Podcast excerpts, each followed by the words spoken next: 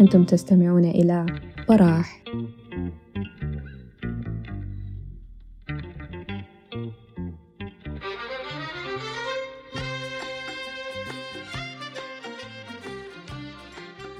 يا جماعة مساء الخير.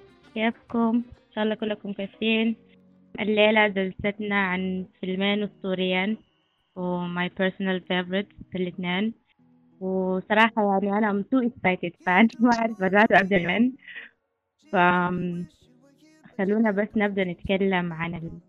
عن الفلسفة بتاعة الذاكرة وعن النسيان وعن الأحلام. الفيلمين ديل كانوا بيعكسوا الحالتين ديل بصورة واضحة شديد. والأسئلة فيهم كانت أسئلة وجودية جدا. زي ما حنشوف as we, we go through it. فالمواضيع حقت الفلسفة والذاكرة والنسيان دي دايما كانت آه، محط جدل بالنسبة لكل الفلاسفة وكل المفكرين على مر التاريخ. في في بعض منهم اعتبر إنه النسيان نعمة من ربنا. بنمحي بها ذكرياتنا المؤلمة والحاجات المخزية والمخجلة.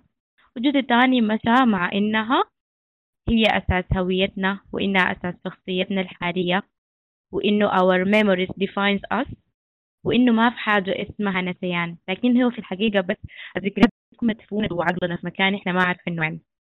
ف دائما هم بيكون عندهم جدل في الحتتين ديل. في مقولة لنجيب محفوظ بيقول الحياة فيض من الذكريات تصب في بحر النسيان. فدي تحسها إنها تدمج الحالتين اللي هم مختلفين فيهم. ده بدينا للأسئلة الافتتاحية اللي هي إذا جاتك أو إذا جاتك فرصة تمسح شخص من حياتك أو ذكرى مؤلمة حصلت لك قبل كده. هل كنت هتعمل الحاجة دي ولا هتحتفظ بيها وتعيشها بحلوها ومرها تتعايش مع الذكريات دي؟ ده ده سؤال لازم تحطه في راسكم. لازم كل زول بينه وبين نفسه كده يجاوب عليه تمام؟ مع العلم إنه إذا أنت أو انتي حذفت الذكريات السيئة الأليمة دي will الجود ميموريز هتختفي معاه السؤال الثاني أنا بعتقد إنه أهم آه هل ذكرياتنا دي بتشكل واقعنا؟ يعني هل واقعنا أو هويتنا الحالية دي سبب ذكرياتنا الماضية أو تجاربنا الماضية مهما كانت قاسية؟ وإذا كانت الإجابة نعم. فهل ده معناه إنه الماضي ده لسه بيشكل في الحاضر حقنا بيشكل في شخصياتنا؟ uh, while you think about this أنا حابدأ بعد الصيغة الحلوة دي أتكلم عن فيلم Eternal Sunshine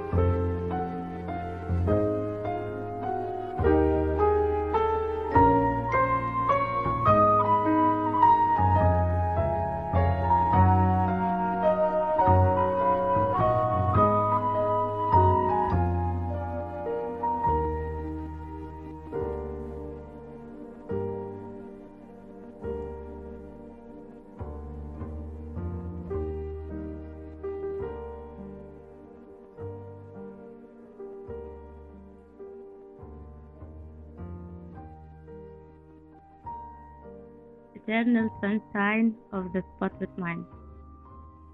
يا جماعة مبدئيا كده الفيلم ده أسطورة. تمام؟ وأي زول بيقول عكس كده بس معناه هو ما فهمه أو أو ما قدر يعني زمان يفهمه. يعني أنا ما قادرة أبدأ أوصف لكم إنه هو فيلم رائع قدر شنو بس ممكن أوريكم جزء من وجهة نظري في الحاجة دي as I talk to you. طيب الفيلم من إخراج مايكل جوندري والكاتب بتاعه هو شارلي كوفمان. اللي هو برضو كتب الفيلم بتاع Adaptation, Being John Malkovich وسيناريوهات كثيرة جميلة غيرها. تمام؟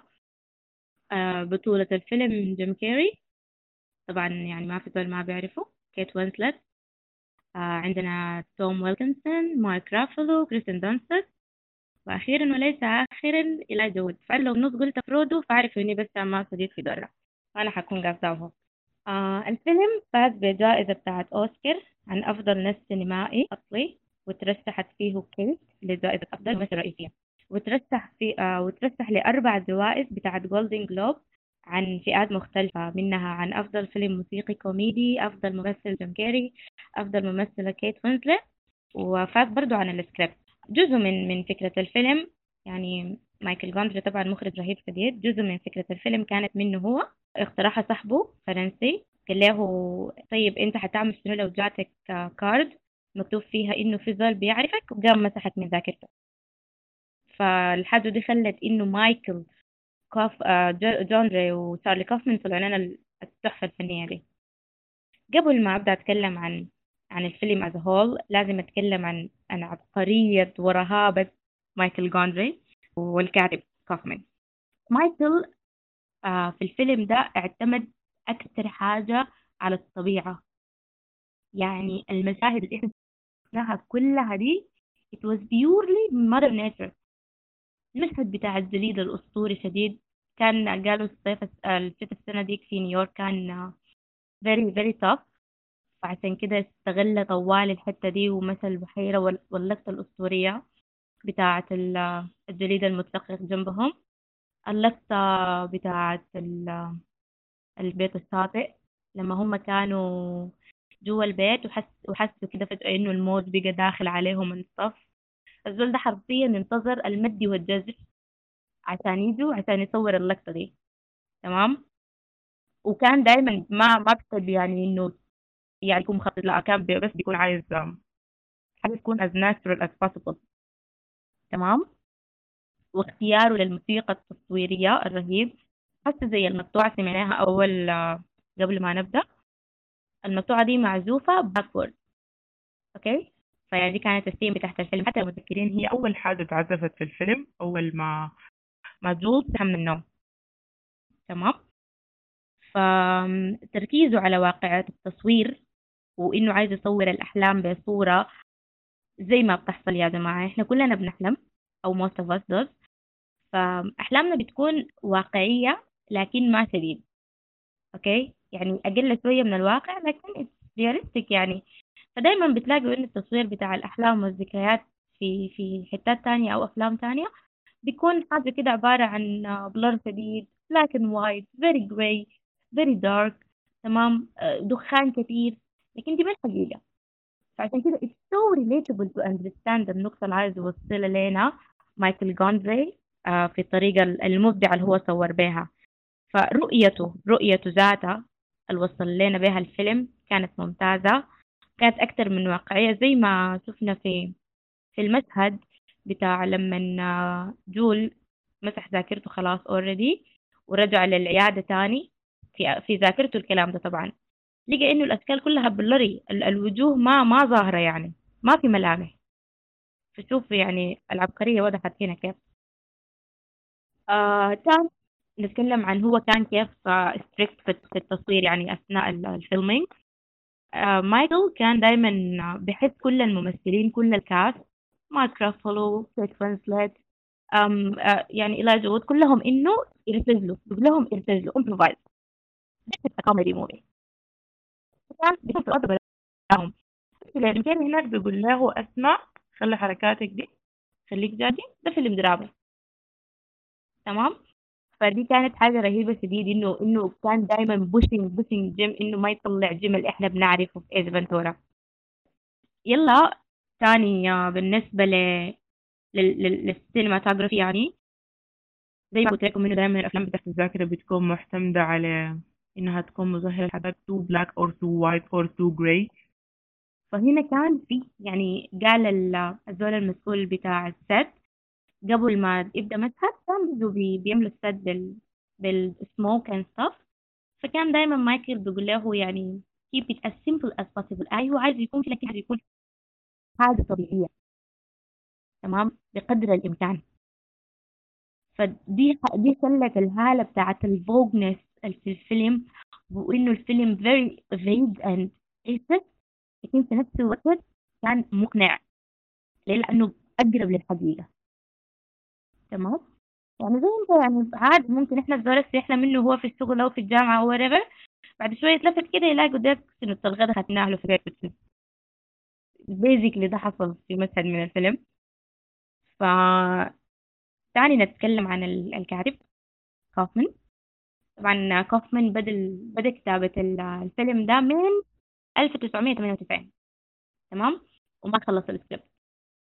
فبعدها قام جه حبيبنا نولن نزل لنا ميمنتو وكان أبو بصر. في نفس الوقت كان بيناقش فكرة الذكريات والأحلام والصف. يعني كانت ال concept قريبين لبعض. ده ده نولن يعني أنا شنو جنب نولن؟ تمام؟ فقام قال لجوندري والله اسمع يا زول الفيلم ده ما بتمه الزول ده نزل الفيلم وأنا فيلم ده حيكون trash مقارنة به فقاموا زي اللي اتفقوا كده وضربوا لل producer. فقام ال producer ال producer قال لهم ما في كلام زي ده. يتم الفيلم أنا ما لعب يعني. الحمد لله إن ال producer هرسهم وجابوا لنا الحاجة الرهيبة دي. الحاجة الثانية كانت رهيبة في في كوفمان إنه قال يعني في, في ال casting بتاعه إنه أول ما شاف كيت وينسلت قال بس دي كليمنتاين يعني ما عمل أي audition تانية أو كده.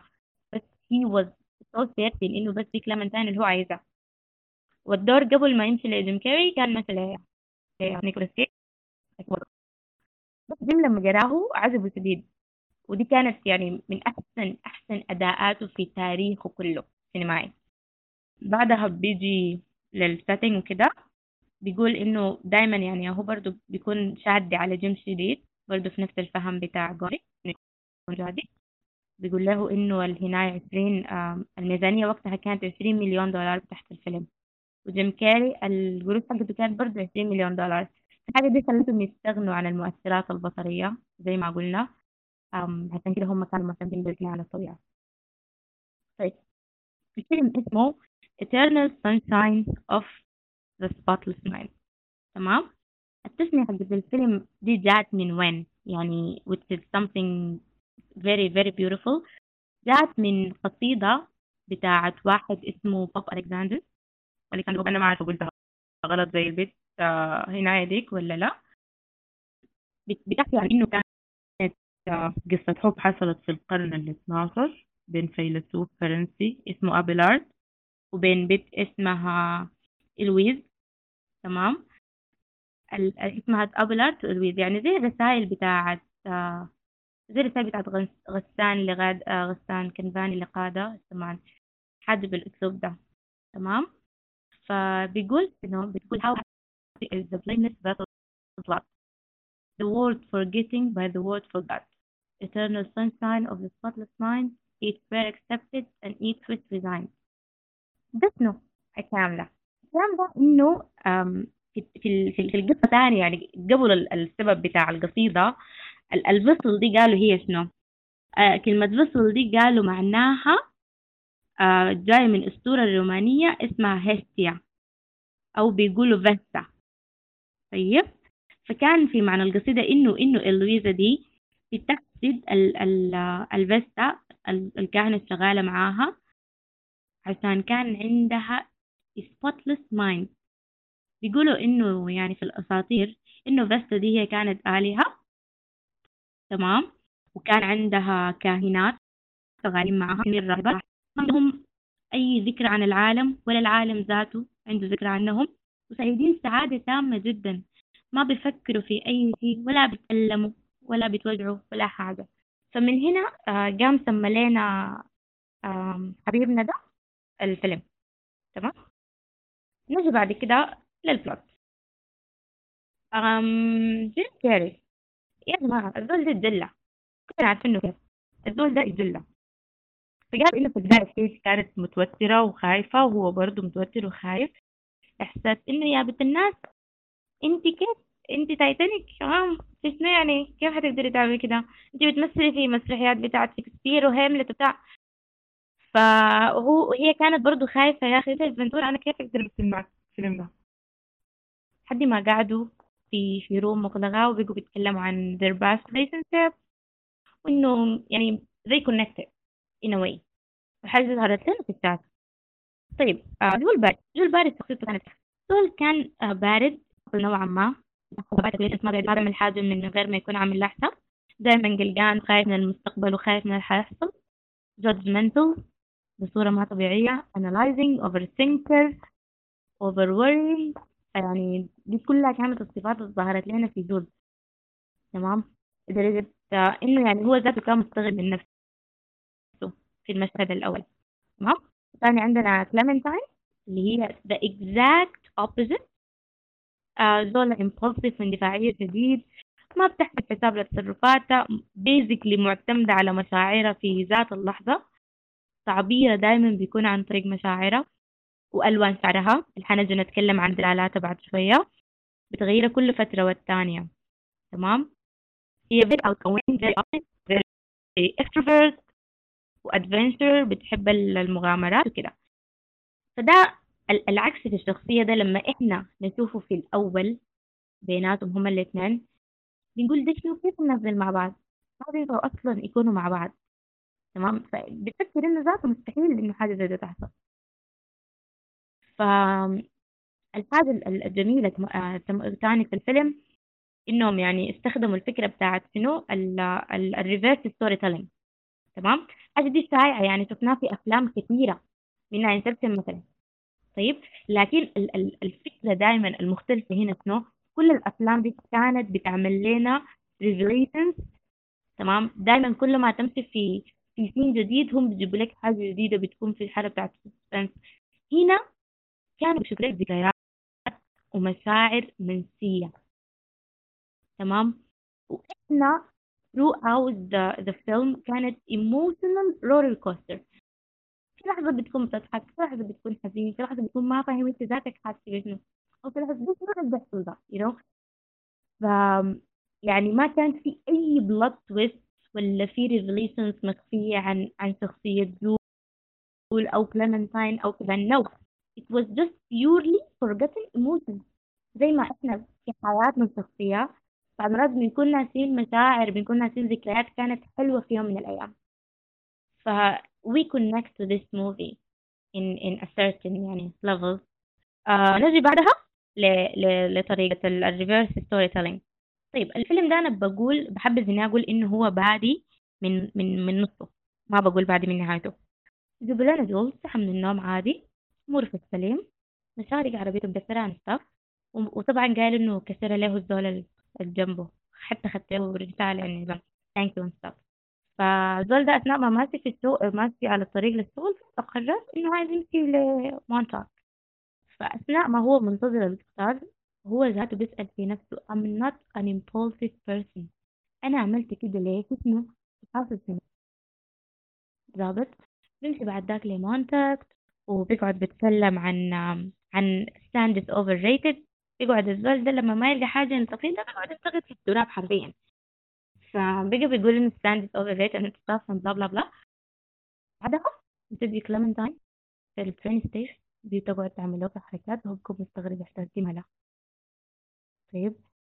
أو actually sorry قبل المشهد ده بنشوف إنه زول متعود على على الرتابة لدرجة إنه في لحظة من اللحظات فكر يرجع لنيومي حبيبته السابقة الأكل just because هو متعود عليها and just because he was nice nice is good دي, دي كلماته حرفيا.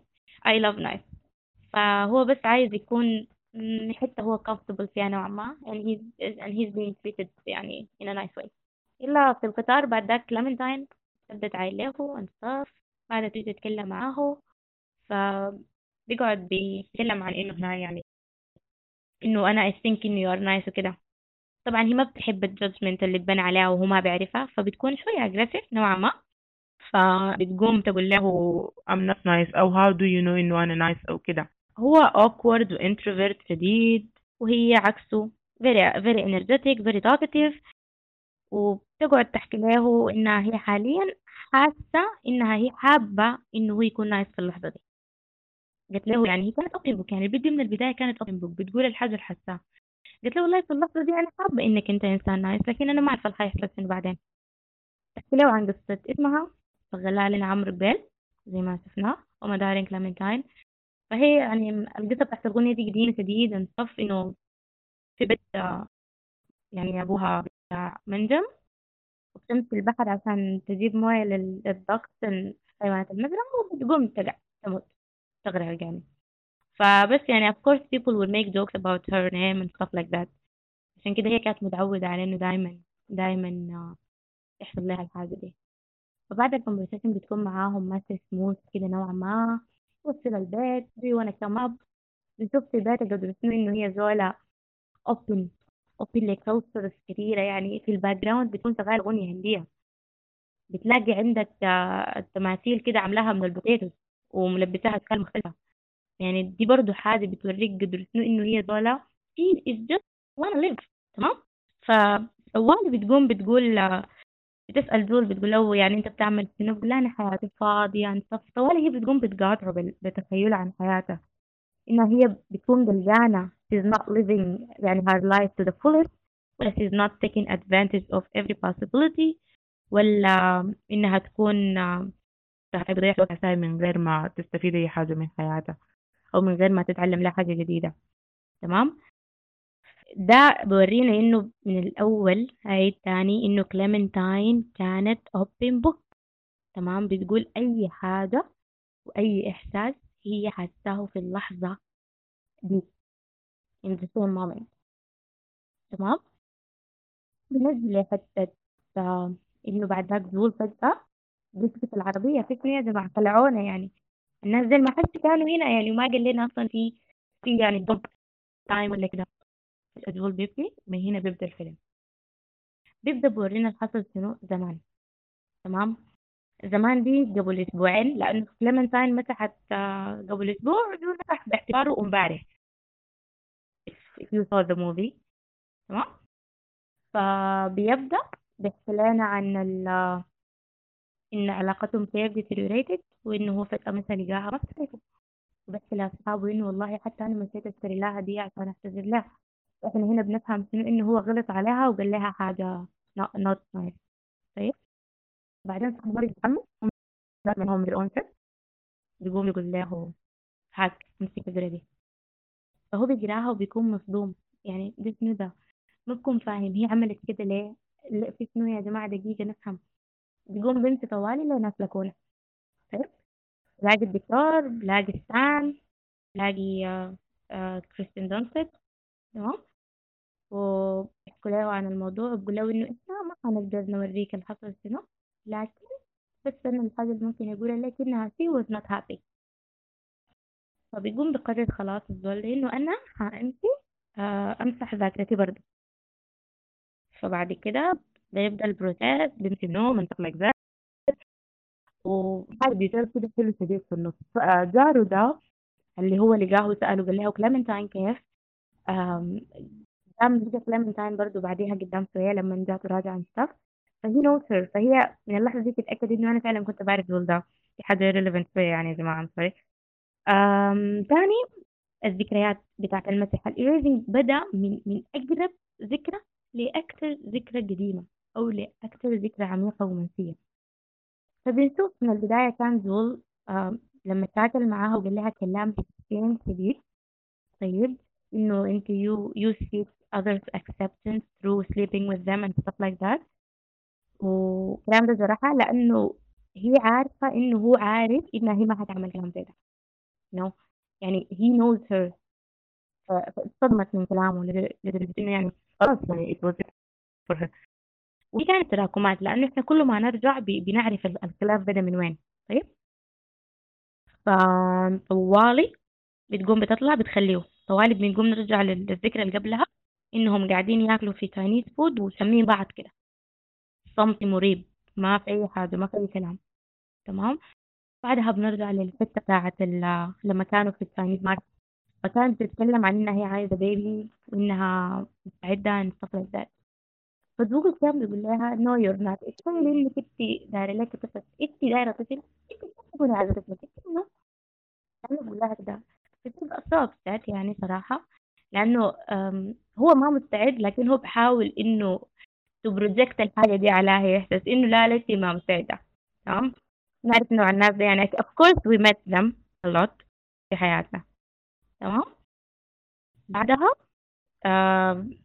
بيجي المشهد بتاعهم لما يكونوا راقدين وانتمت وكده بتسأله بتقول له you never tell me anything. يعني أنا I'm open book. بتقول له أنا كتاب مفتوح أنت ما قاعد تقول لي حاجة. طيب. فجام جام قال لها إنه constantly talking is not necessary communicating. فقامت قلت له لا يا جول ال intimacy كده. You share stuff you tell stuff. فمفهوم ال communication ذاته مختلف عن بعض تماما.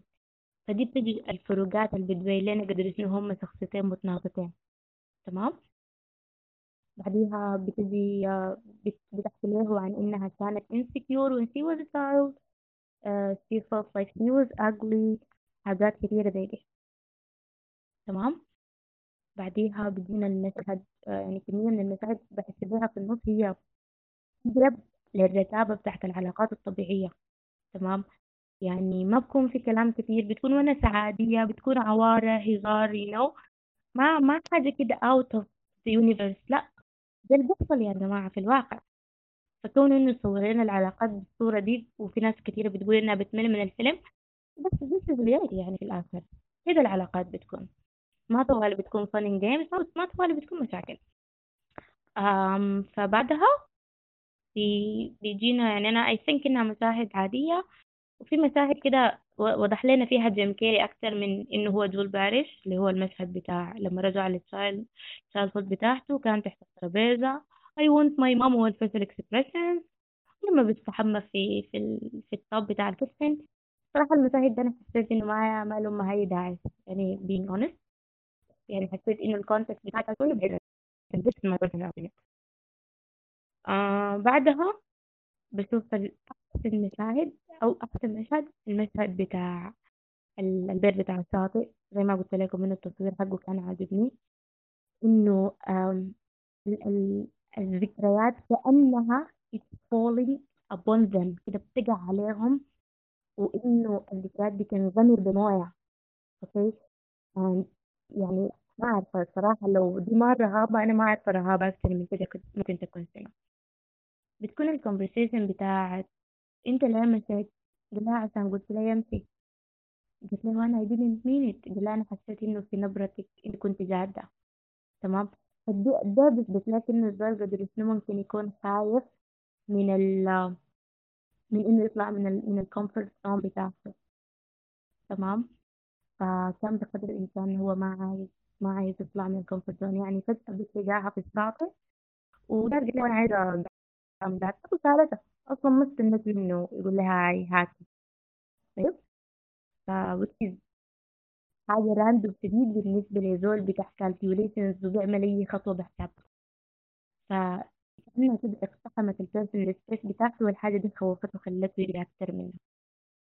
بعدها كان مشهد بتقول له إنه I'm not a concept جول يعني كلمة concept دي زمان وقتها 2002 كانت فيك ال- ال- الكلمة دي جديدة يعني هي هسه قريبات دي. فكان حاجة iconic شديد لأنه في ناس كتيرين بيعشقوا الناس أو بيحبوا الناس just because هم شايفين ال concept بتاعهم حلو. Whether كان funny whether كان dark whether كان غامض whatever. بس هم بينجذبوا لل concept أكتر من ال content وقررت له الجملة دي تاني إنه I'm just a fucked up girl looking for my peace of mind. دي دي أنا. أنا ما هقدر أطلعك من الرتابه اللي أنت فيها أنا ما هقدر اضبط لك حياتك. أنا ما هقدر بجيك happy I can't do that. This is not my job. لأنه أنا بعمل في الحاجة دي لنفسي فما مهمتي إنه أنا أعمل لك أنت الحاجة برضه ف بعدها بنرجع للواقع أو لتوداي على حسب كلامه أو توقيتهم هم. آه وصل البيت بيجيه فرودو داك بيقول لها قالت عايز شنو؟ هي بتقوم تكورك فيه بتقول له كان حاجة ضابطة لأنه كانت سهلة. آه سوري أنا نسيت إني أقول لكم يعني إن الزول ده هو قام مسك الذكريات بتاع الزول كلها ومستخدمها عشان تكون كلمنتاين عشان كده أنا حاسة الشخصية دي بتطلقها شديد. آه وبعد ده ما اسمعه المهم قاموا ورجعوا بعد كده في العربية لغة التيست وكده نرجع تاني للنص بتاعت العملية بتاعت المسح عشان نرجع تاني لقصة آه عندنا ماري طيب اللي هي الشغالة معاهم آه بتاعت reception العيادة بتاعت لكونا بتحب الراجل اللي اسمه ميروزياك الدكتورة. ف she like حتى بتسكت كتير يعني. إحنا كلنا حنكون لاحظنا الحاجة دي. ماري بتحب دكتور هاورد ميروزياك والحاجة دي وضحت لنا من من كلام عنه الكثير. يعني هي كانت مع ستان and everything لكن برضو كانت بتجيب سيرته كتير وإنه هو حيتخلد واسمه حيتكتب في في البوك of quotations and stuff like that. تمام؟ طيب آه بعدها آه بتحصل المشكلة إنه إنه جوليا هو بيرجع لذكريات الطفولة عشان يحاول يحافظ على كلمته. قدر الإمكان وإنه يتمسك بها لحد آخر لحظة and stuff like that. فبيضطروا إنه يضربوا لبريزياك ده عشان يحل المشكلة كده. ما هما آه يعني بعد ما ظبط الموضوع بيقوم آه بيقوم ستان بيحس بإنه ماري منجذبة شديد للراجل ده بيقوم بيقول خلاص أنا حامشي أتمشى. وهي هتقعد بتتونس معاه بتقول له الكود بتاعت نيتشي بتاعت يا حظ كثير النسيان فحتى أخطاؤه نعمة. تمام؟ بعدها برضه بتقول له الكود بتاعت ألكسندر بوب دي وبيقعد بيتونسوا. بعدها في كسر هم وتقول له والله أنا يا أخي كنت معجبة بيك من زمان and stuff like that. الحتة دي أنا طبعا شايفة في ايرون غريبة إنه هم خلوها هي بالذات اللي بتحب الزول الأكبر منها. زي في القصيدة خلوها إنها هي تقول المقطع بتاع القصيدة دي. فكانت حاجة برضه بالنسبة لي ظابطة. فيلا بتشوفوا بتجي مرته وراه بتشوفهم. وبتقوم تقول لها you had him before. فهي بتعرف إنه هم كانوا في علاقة و... وقامت مسحت ذاكرتها بناء على طلبهم هم الاثنين أو طلبها هي. وبيكسروا الحنك يعني نظام إنه ما كان في حاجة بيناتنا. فبتعمل بتعمل شنو من الزعل لأنه ما موريها أو كده؟ بتشيل التسجيلات حقت الناس كلهم وبترسلها لهم فكليمنتاين بعد ما مشى على البحيرة. بيجوا راجعين بيلاقوا إنه آه التسجيل قاعد فهي أول ما تشغله دول بحس إنه she's messing with him. حتى بيزعل بقول عيني أنزلي تحت literally بنزلها تحت بتسوق على بيته فبعدها بعد يرجع البيت بيلاقي إنه هو عنده نفس الريكورد وبيسمع في الكلام هي بتجيله داخلة and she starts to listen. في البداية الكلام بيكون لها عادي نوعا ما. لكن بعدها بيبقى الكلام حاد لأنه هو بينتقد في حاجات he knows for certain إنها ما هتعملها. برضه ده سبب زعلتها منه when they broke up وحس جا كررها ليها وهي قامت قررت بعدها هنا nice to meet you all وأنا ماشي تمام؟ بتطلع من الباب بعدها هو بيجيه ال realization ده إنه هو بيحب كليمنتاين طيب he loves her. ودائما من البداية ف I think this is going to be forever أساسا بيجي المشهد الأسطوري بتاع النهاية إنه wait just wait. يعني ما أعرف صراحة كانت حاجة واقعية جدا. إنه أنت بس أنت ما عارف أنت عايل من الزول ده أنت ما عارف العلاقة دي صح ولا غلط. أنت ما عارف التايمينج ده صح ولا غلط. وعارف إنكم مختلفين تماما. يعني أنت الشرق وهو الغريب خطين متوازيين. But still you want them. أوكي فدي دي كانت برضو من, من الحاجات الجميلة في, في السيناريو والختام كان حقها حلو. لكن آه، في السيناريو الأصلي طبعا هم الناس دول بيمسحوا بيمسحوا ذاكرتهم عن بعض قريبا 15 مرة وبيجيبوهم هم كبار شديد هم عجايز يعني 50 years or something. يعني كأنهم بس اتصلوا كده قال خلاص يا جماعة يقفل الحلقة عشان ما نخش في اللوب دي تمام؟ فيا جماعة السؤال سألناه أول حاجة. إحنا أكيد إذا كانت عندنا المقدرة دي كنا حنعملها of course. لو ما كلنا جزء كبير مننا كان حيعملها كان حيمشي يمسح ذكرياته. لكن then again هل أنت لما تمسح ذكرياتك بتمسح جزء من هويتك ولا لا؟ You need to think about this very deeply. And um, I'm gonna wrap up here عشان أديكم فرصة تتكلموا عن حاجة. Uh, لحن الختام الغنوة دي أنا اخترتها مخصوص because حساتة بتتكلم بتتكلم عنهم. هما الزول ان كليمنتاين يعني كان صوت شعورهم أوكي يو كان يو كان سي ذا ليركس برضه Con gli appena nati, con gli già finiti, con la gioia e col dolore della gente come. Soltanto adesso io ti guardo, nel tuo silenzio io mi perdo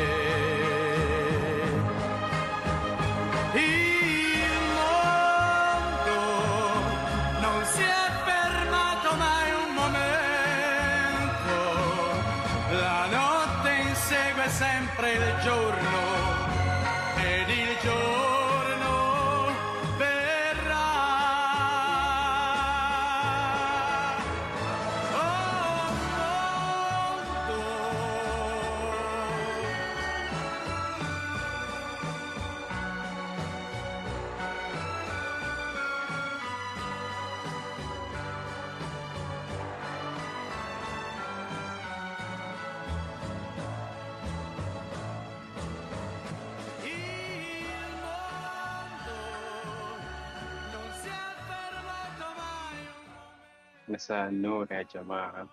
كيفكم إن شاء الله كلكم طيبين؟ آه، أول حاجة قبل ما أبدأ أدخل آه، شكرا يا سهى على المقدمة والافتتاحية الظريفة في البداية. الاستعراض السريع عن الفلسفة عالم الذكريات والأحلام. بعدين دخلت في تعريف على المخرج القصة بتاعت بتاعت انسبشن الحاجات كلها تقييمك وعرضك للصوت كلها كانت يعني ممتازة صراحة يعني أبدعتي طيب آه، أبدأ لكم. أول حاجة بالإخراج بتاع الفيلم والكتابة بتاعت الفيلم. Trivial facts about this آم، أول حاجة الفيلم آه، أخرجه ريتشارد كورتس. برضو واحد من ال screenwriters أو ال main writers بتاع الفيلم. آم، ريتشارد معروف ب Four Weddings and Funeral Love Actually وفيلمنا الليلة About Time. ال trademark بتاعت أفلام ريتشارد بتكون ماشية على إنه ال main characters الشخصيات الرئيسية وبشخصيات يعني ما طبيعية عندها نوع كده ده من غرابة الأطوار. تكون تصرفاتها ما معتادة مرات لذلك تكون يعني deviated from the social norms حاجة كده ما تحس بالضيق بسببها يعني. يعني شفنا الحاجة دي بشكل أو بآخر في صديق تيم روري في صديق آه والد تيم هاري. يعني شخصيتهم ما كانت حاجات طبيعية. ف آه ال trademark دي مشهورة أو يعني معروفة عند أفلام ريتشارد كورتس طيب آه مخرجنا وكاتبنا ده قال قبل كده في مقابلة في إحدى المقابلات عن فيلم About Time هنا أنا quoting I'm very interested in time travel for some reason or other.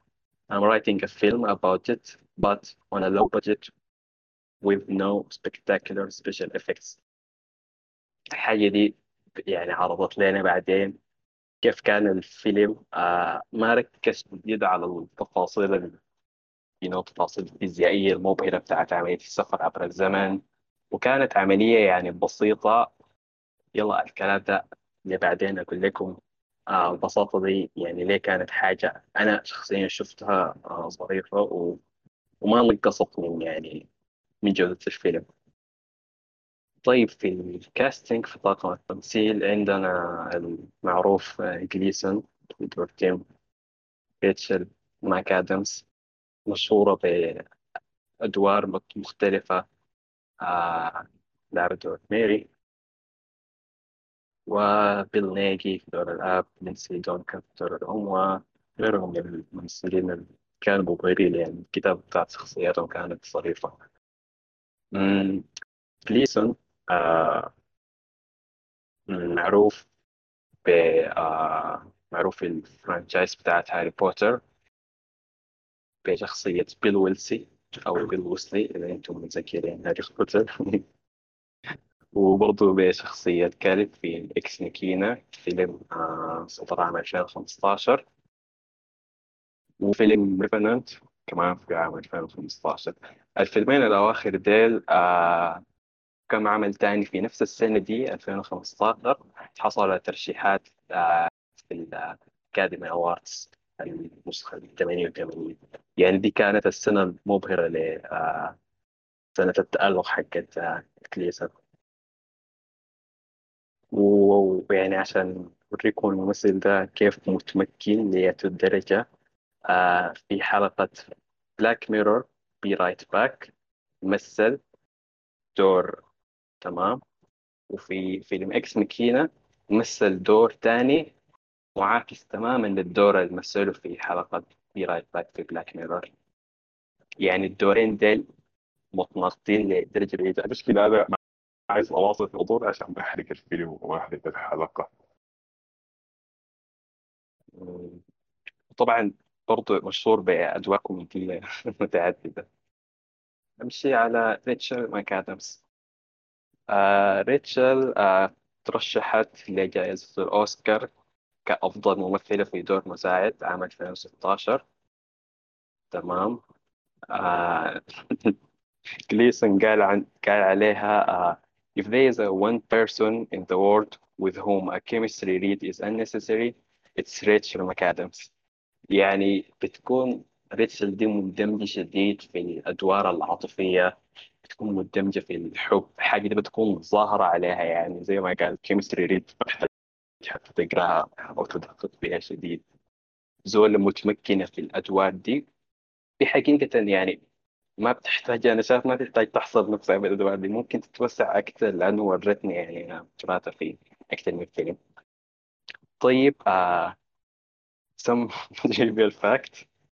في الفترة بين 2009 لحد 2016 ريتشل ماكادامز لعبت دور. لوف انترست لكم راجل بيقدر يسافر عبر الزمن أو يتلاعب بيهم في أربعة أفلام مختلفة. تمام؟ اللي هم The Time Traveler's Wife Midnight in Paris Doctor Strange وفيلمنا About Time. في الأربع أفلام المختلفة دي ريتشل ما شاركت في السفر عبر الزمن. تمام؟ أو في التلاعب بأي شكل من الأشكال.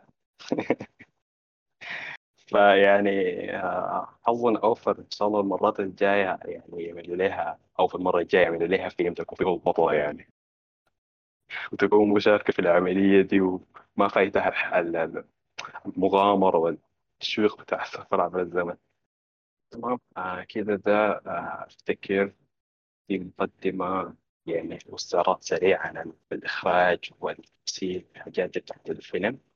يمكن هسه أخش على البلوت أو قبل ما أدخل على البلوت ممكن أقول لكم ال- ليه حاجة والحاجات خلتني أتكلم عن الفيلم. حاجات يعني جميلة.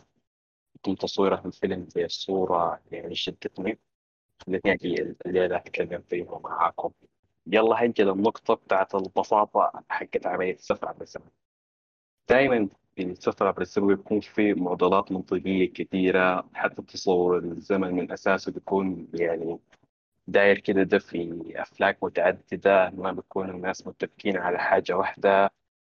عندنا برضو المفارقات المنطقية بتاعت آه، كانت آه، مفارقة في الجد grand paradox ما بعرف الحسابية how could you tell the difference between the cause and the effect?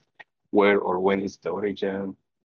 فأجوبة متعددة عشان تحل المشكلة دي أو عشان تحاول تحل المسائل الشائكة المنطقية دي لكن الفيلم ما سبح وغاص في في البحر الواسع المالي الشاطئ ده ما ركز كثير على إنه يبرر ال- الرجوع للماضي بشكل يعني آه، مفصل حيث إنه يطغى على يطغى على جوانب الفيلم الثانية. تمام. ما ما كان في يعني spectacular effects ال effects زي ما بتشوفها في افلام MCU مع إنه التصوير كان خلاص يعني good enough. والحاجة دي زي ما على الفيلم يعني. آه لأنه أنا شايف إنه ال- يعني هم حاولوا في التصوير قدر الإمكان خلوا لنا القدرة دي بالسفر عبر الزمن تكون طبيعية وبسيطة لدرجة آه الواحد بيحس إنها ريليتابل يعني بتحس إنه can relate to Tim. تقدر تكون في محله. وما تكون حاسس بأن الحاجة دي يعني ما حاجة إعجازية شديدة يعني. يعني الموضوع بسيط للغاية يعني حتى قيوده بسيطة جدا. ما تقدر ترجع إلى الحتات اللي كنت فيها و... والناس اللي كنت معاهم تمام؟ وتقدر ترجع مثلا لفترات الماضي السحيق ما تقدر تختلف ديكي آه وبمجرد ما إنه تم أو أي حد من رجال العائلة ديل آه يركز حتى ما بيحتاج يركز شديد يركز على اللحظة المعينة اللي عايز يسافر لها وعايز يسلم لها. أو ممكن نقول الذكرى المعينة اللي عايز أغيرها تمام؟ بصل لها خلاص. حتى ما بيحتاج يركز شديد عشان يعني آه بيكون محتاج يحضر بيكون محتاج يفكر كيف أنا أزيح الإحراج على الموقف ذاك كيف أنا هعدل الذكرى المزعجة دي ألغيها تماما. وكانت عملية يعني بسيطة تمام؟ و relatable أنا حسيت إنها relatable يعني أنا ممكن أكون في مكان تم ما أحس بأن الحاجة دي غريبة علي. من الناحية طيب ببساطة من الناحية الثانية وخلت الفيلم بوس بالنسبة لي إنه الجانب العاطفية التركيز عليها كان كبير. تمام؟ الحاجة دي يعني شخصيا عجبتني. ما كنت عايز في في المعضلات وفي المفارقات والحاجات ديكي واحد يقعد يفكر. يعني they are many great movies uh, dealt with uh, الحاجة دي. تمام؟ فما عايزين فيلم تاني يعني شوف دي عايزين كيف تضبط السفر عبر الزمن في قصة تكون فيها جوانب آه، ظريفة زي دي. كذا يعني الأفلام المفضلة عندي لكن آه إن شاء الله حتجي بشكل ناتشرال لما نتكلم في البلوت. طيب آه تيم كان عايش حياة آه عادية. الإيقاع والروتين بتاعها آه يعني معتاد ما في حاجات كثيرة بتحصل. بت يعني بتخرب الروتين ده الروتين ده كان عنده حتى صحي ما كان شايف الحاجة مزعجة يعني. إلا طبعا حفلة راس السنة. الحفلة بيكون فيها ناس كتار وال آه، ما بعرف ال- ال- المواقف المحرجة بتحصل في الفترات زي دي بسهولة شديدة. نيجي هنا للغلطة.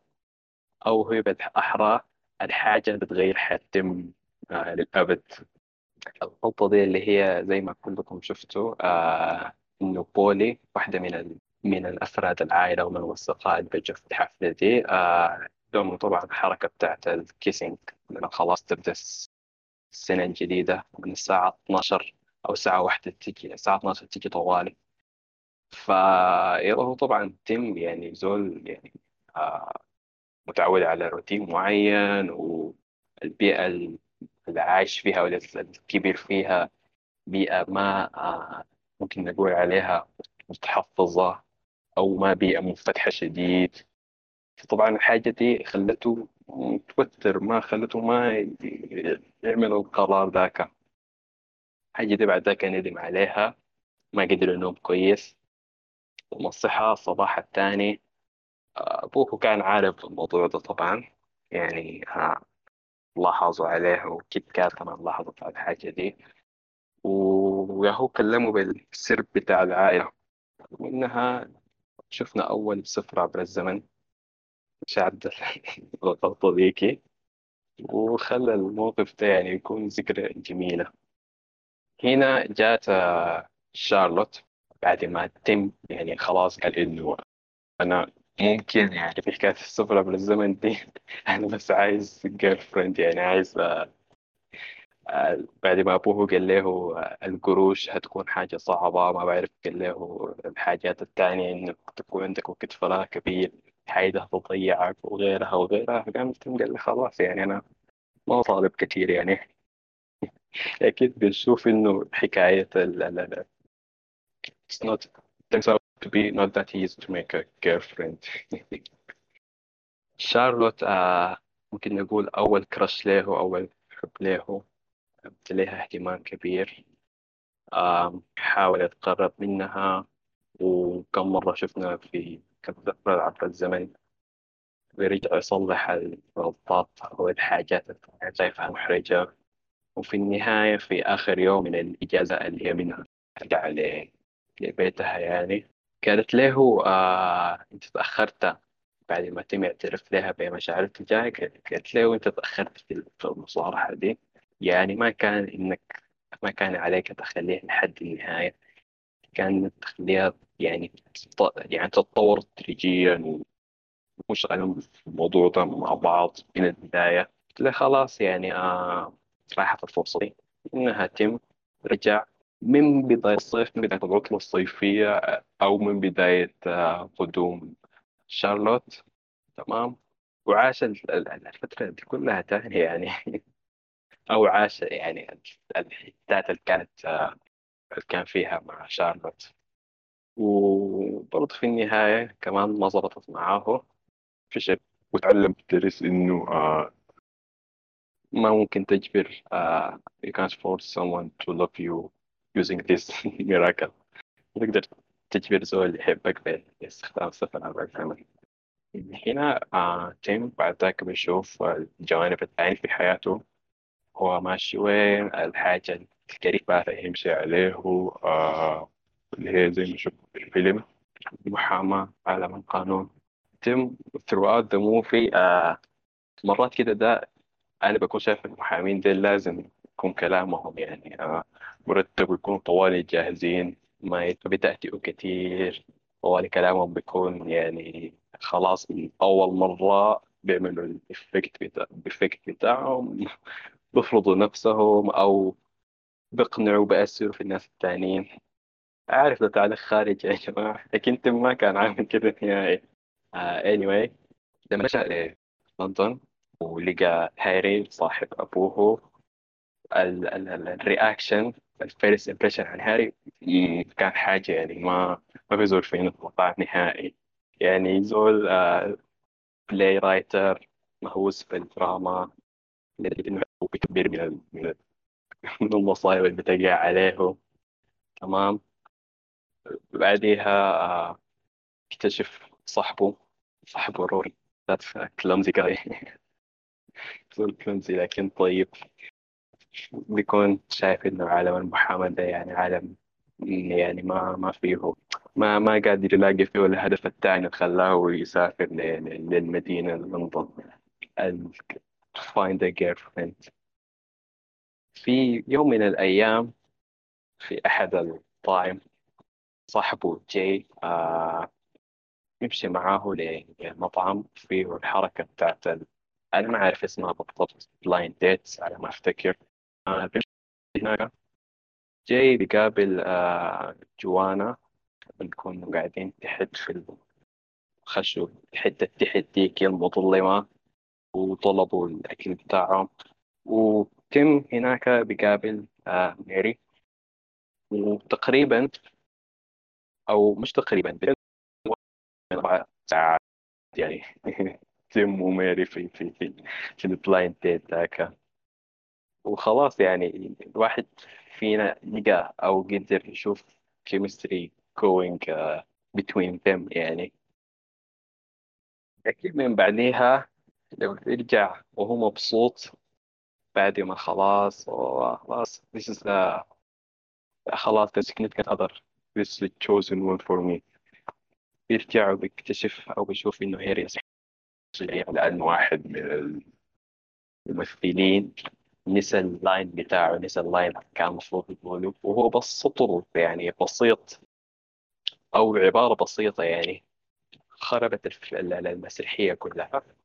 فتم بيرجع للحظة يرجع المرة الأولى آه يشوف ال- بيكون يعني قايل ال- ال- الممثل الفلاني ذاك هو الغلط هو النساء. ال- ال- اللاين المفروض يقولوا لكن لا اكتشف إنه ده ما الزول الغلط أو الزول النساء في زول تاني في المسيحية نساء فتاني بيضطر يسافر يرجع.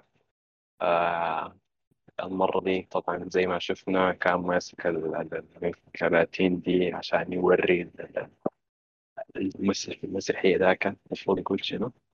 وموضوع على خير اتبسط في النهاية و... لكن الثمن بتاع الحاجة دي آه، زي ما شفنا ثمن كبير جدا فقد ميري. آه يلا آه لحد ما تاني يلاقي ميري وطبعا من المحادثة الأولى قوم استغل استغل ال- ال- الكلام الكثير اللي قالته بيمشي المتحف ذاك أو ال museum آه art museum ذاك. شوف الموضوع ده يمشي كيف لما يلاقيها. طبعا زي ما شفنا انتظر كثير وكثير أيام وأيام لحد ما لاقاها. اكتشف إنه والله الرجوع للماضي ده في حاجات بتقوم مغيرة وفي ذكريات خلاص بتروح نهائيا. فيضطر تاني يرجع من أول وجديد عشان آه، يرجع ماري له آه، بنشوف أول مرة آه، فشلت. تاني مرة آه، ما يحتاج يسافر عبر الزمن. تاني مرة لا. هنا ده خلاص جربت حياتي برا وقال أنا ما بحتاج أعتمد على قدرتي همشي لميري و- وأحاول أرجع. آه نشوف الموقف الغريب ذاك. لما لقى ال boyfriend بتاعها لما لما كانوا كلهم قاعدين هو وماري وال friend بتاعها وصاحبتها جوانا. بيسأل من تفاصيل كده ده تفاصيل دقيقة جدا. حتى بتقول له أنت محقق ولا شنو؟ ومنها بيمشي لل- للحفلة ديك الحفلة اللي كانت ميري ما عجباها حفلة انزعجت منها. تمام؟ عشان يتأكد إنه ما تلاقي ال- ال- الزول ذاك. كان اسمه روبرت على ما على ما أذكر وبيستغل المعرفة بتاعته حقت كيت موس. تمام؟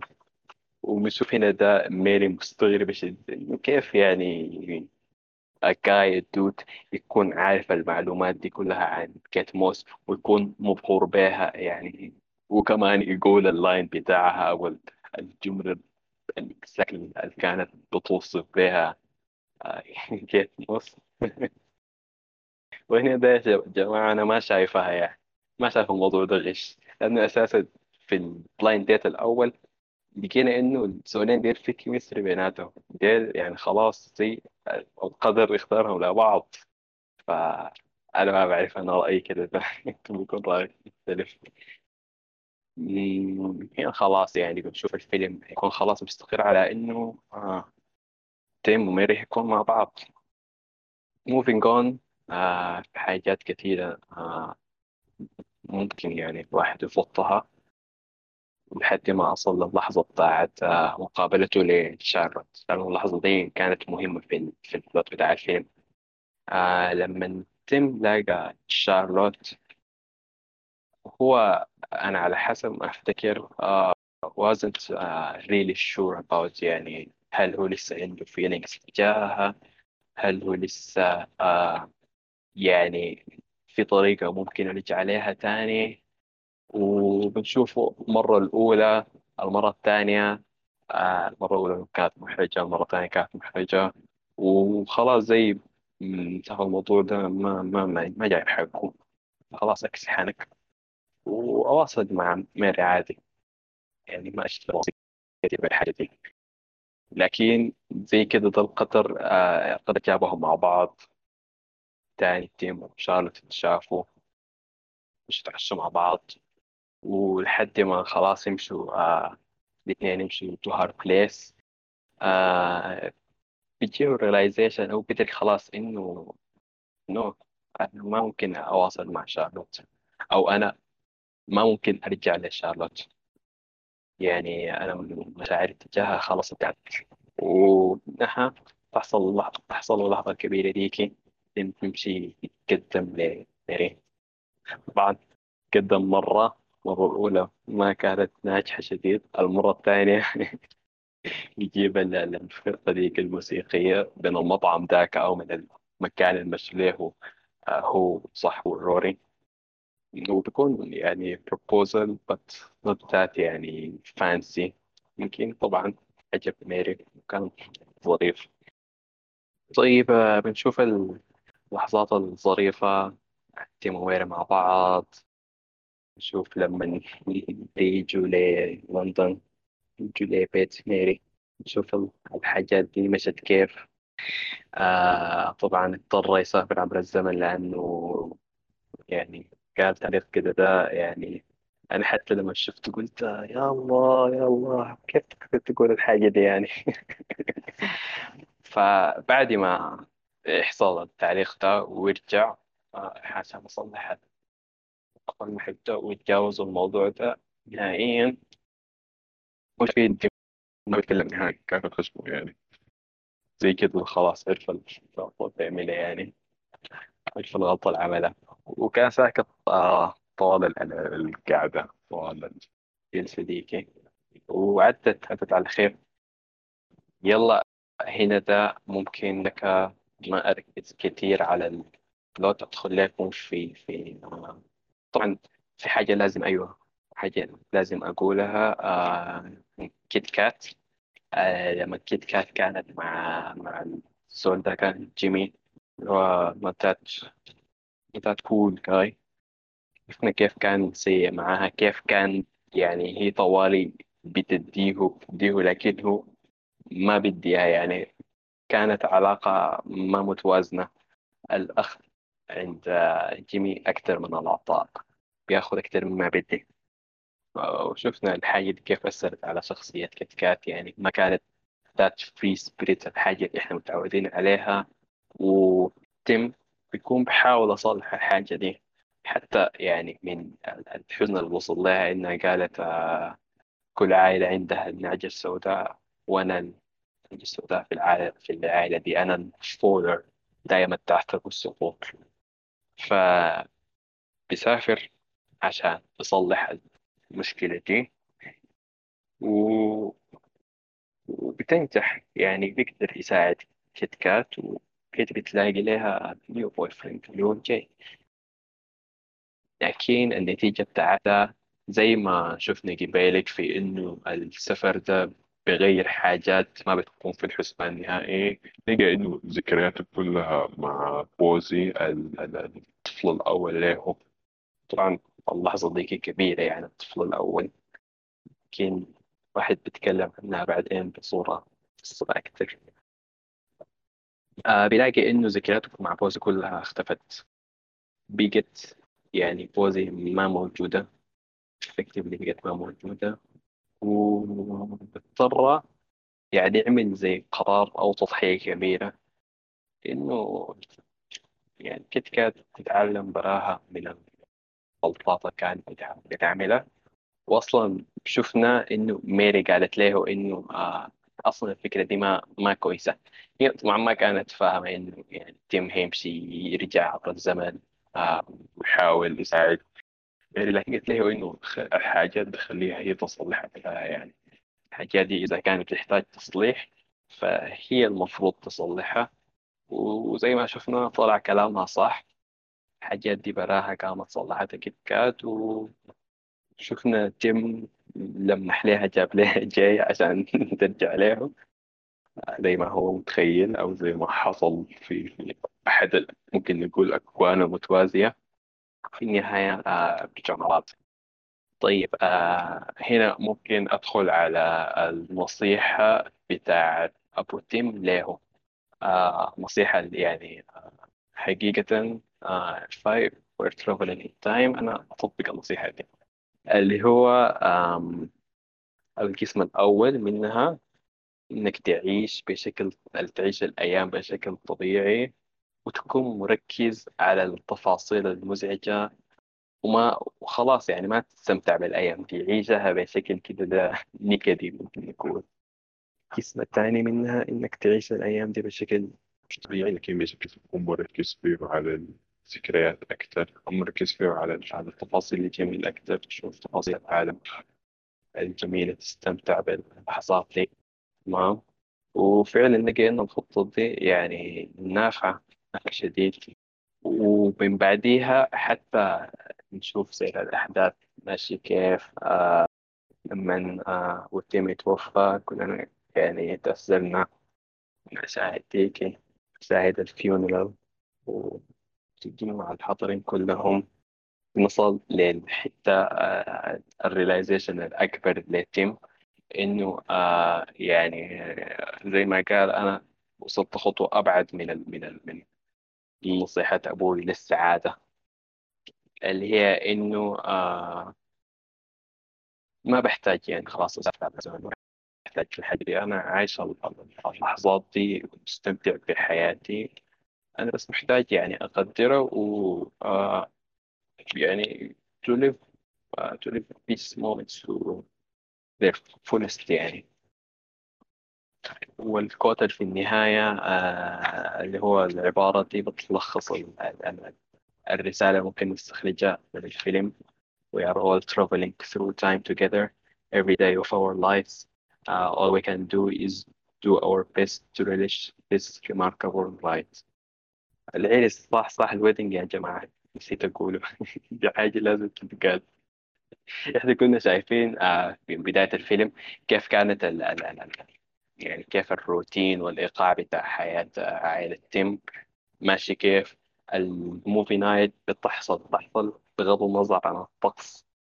الحاجة دي نوعا ما زي جات لهم في ال wedding في يوم حفل الزفاف. ال wedding عملوه بغض النظر عن الطقس اللي كان موجود. وأنا ما عارف يا يا جماعة يعني تيم أو ماري واحد منهم أكيد كان يعني بياكل من الحلة كثير.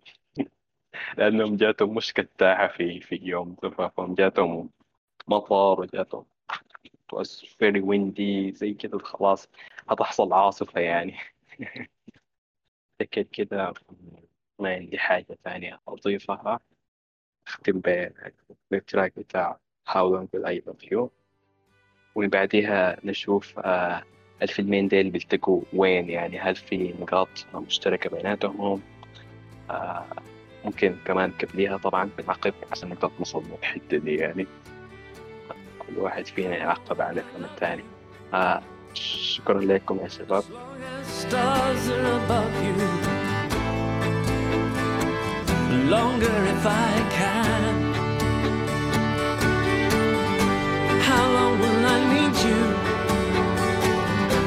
As long as the seasons meet to their plan. How long will I be with you? As long as the sea is bound to wash upon the sand. How long will I want you? As long as you want me to. And long goodbye far. How long will I hold you? As long as your father told you. As long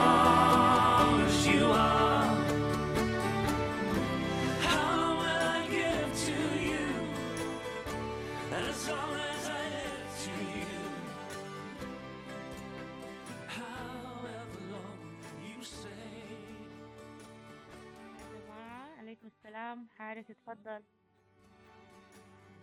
والله أول حاجة شكرا لكم آه على الونسة الجميلة دي. وأنا أنا سمعت إنه في في باقي كلام بس حستاذن منكم آه أقول مداخلة لأنه بعدين ما حيكون عندي طريقة آه أتكلم مرتاح. أنا حابة أتكلم عن فيلم Time.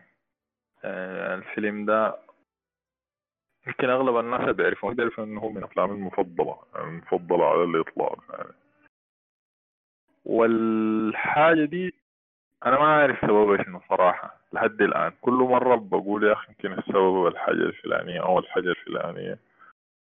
لحد الآن ما قادر أحدد يعني. ال- الفيلم ده متذكر أول مرة حضرته أنا جاي من الشغل تعبان وفتران وعيني طالعة. وما كنت قادر أنوم. كده فقلت أشغل لي حاجة على بال ما يعني عشان أنعس وأقدر أنوم. فكملت الفيلم كله. كنت يعني كنت مندهش جدا جدا من ال من الحاجة اللي بتحصل قدامي. كانت حاجة حاجة جميلة شديد ولطيفة شديد على كافة المستويات. يعني الصورة جميلة ومريحة شديد الموسيقى جميلة ومريحة شديد. كان أقرب لوجبة يعني. كان أقرب لوجبة لطيفة سهلة الأكل حاجة زي ال...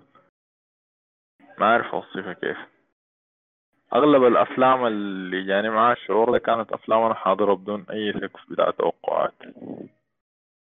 آه آه، بديت الفيلم حتى ما أعرف ذاته الفيلم بيتكلم عن شنو. أنا بس شغلت الفيلم كده بديت أحضر بعد شوية شديت شديد من كمية اللطافة اللي في الفيلم. وكنت بفتش على طوال الفيلم إنه الفيلم ده هو about شنو يعني لأنه هو ما about time بالنسبة لي. الفيلم ده about أي حاجة بس ما about time الفيلم ده about ممكن يكون about love لأنه شفنا فيه العلاقة بين الأب والابن علاقه بين الأخ وأخته. علاقة بين الشابين اللي في القصة. فكان يعني إذا جيت تتكلم عنه هو عن about love الفيلم about love يعني فيه فيه فيه قصص كثيرة بتاعت حب يعني. حب الأب لولده حاجة عجيبة جدا في الفيلم ده. حب الابن لأبوه حب الولد ده آه، تيم نفسه لأبنائه المستقبليين. اللي خلاه إنه يغير المستقبل كم مرة ولما يجي يلقى أي version هم ما فيه وبيطلع الولد لأخته. يعني كل ال- ال- التفاصيل اللي في الفيلم يعني بتشير لك لأنه about love. بس قطع شك ما about time يعني. ممكن يكون about accepting life.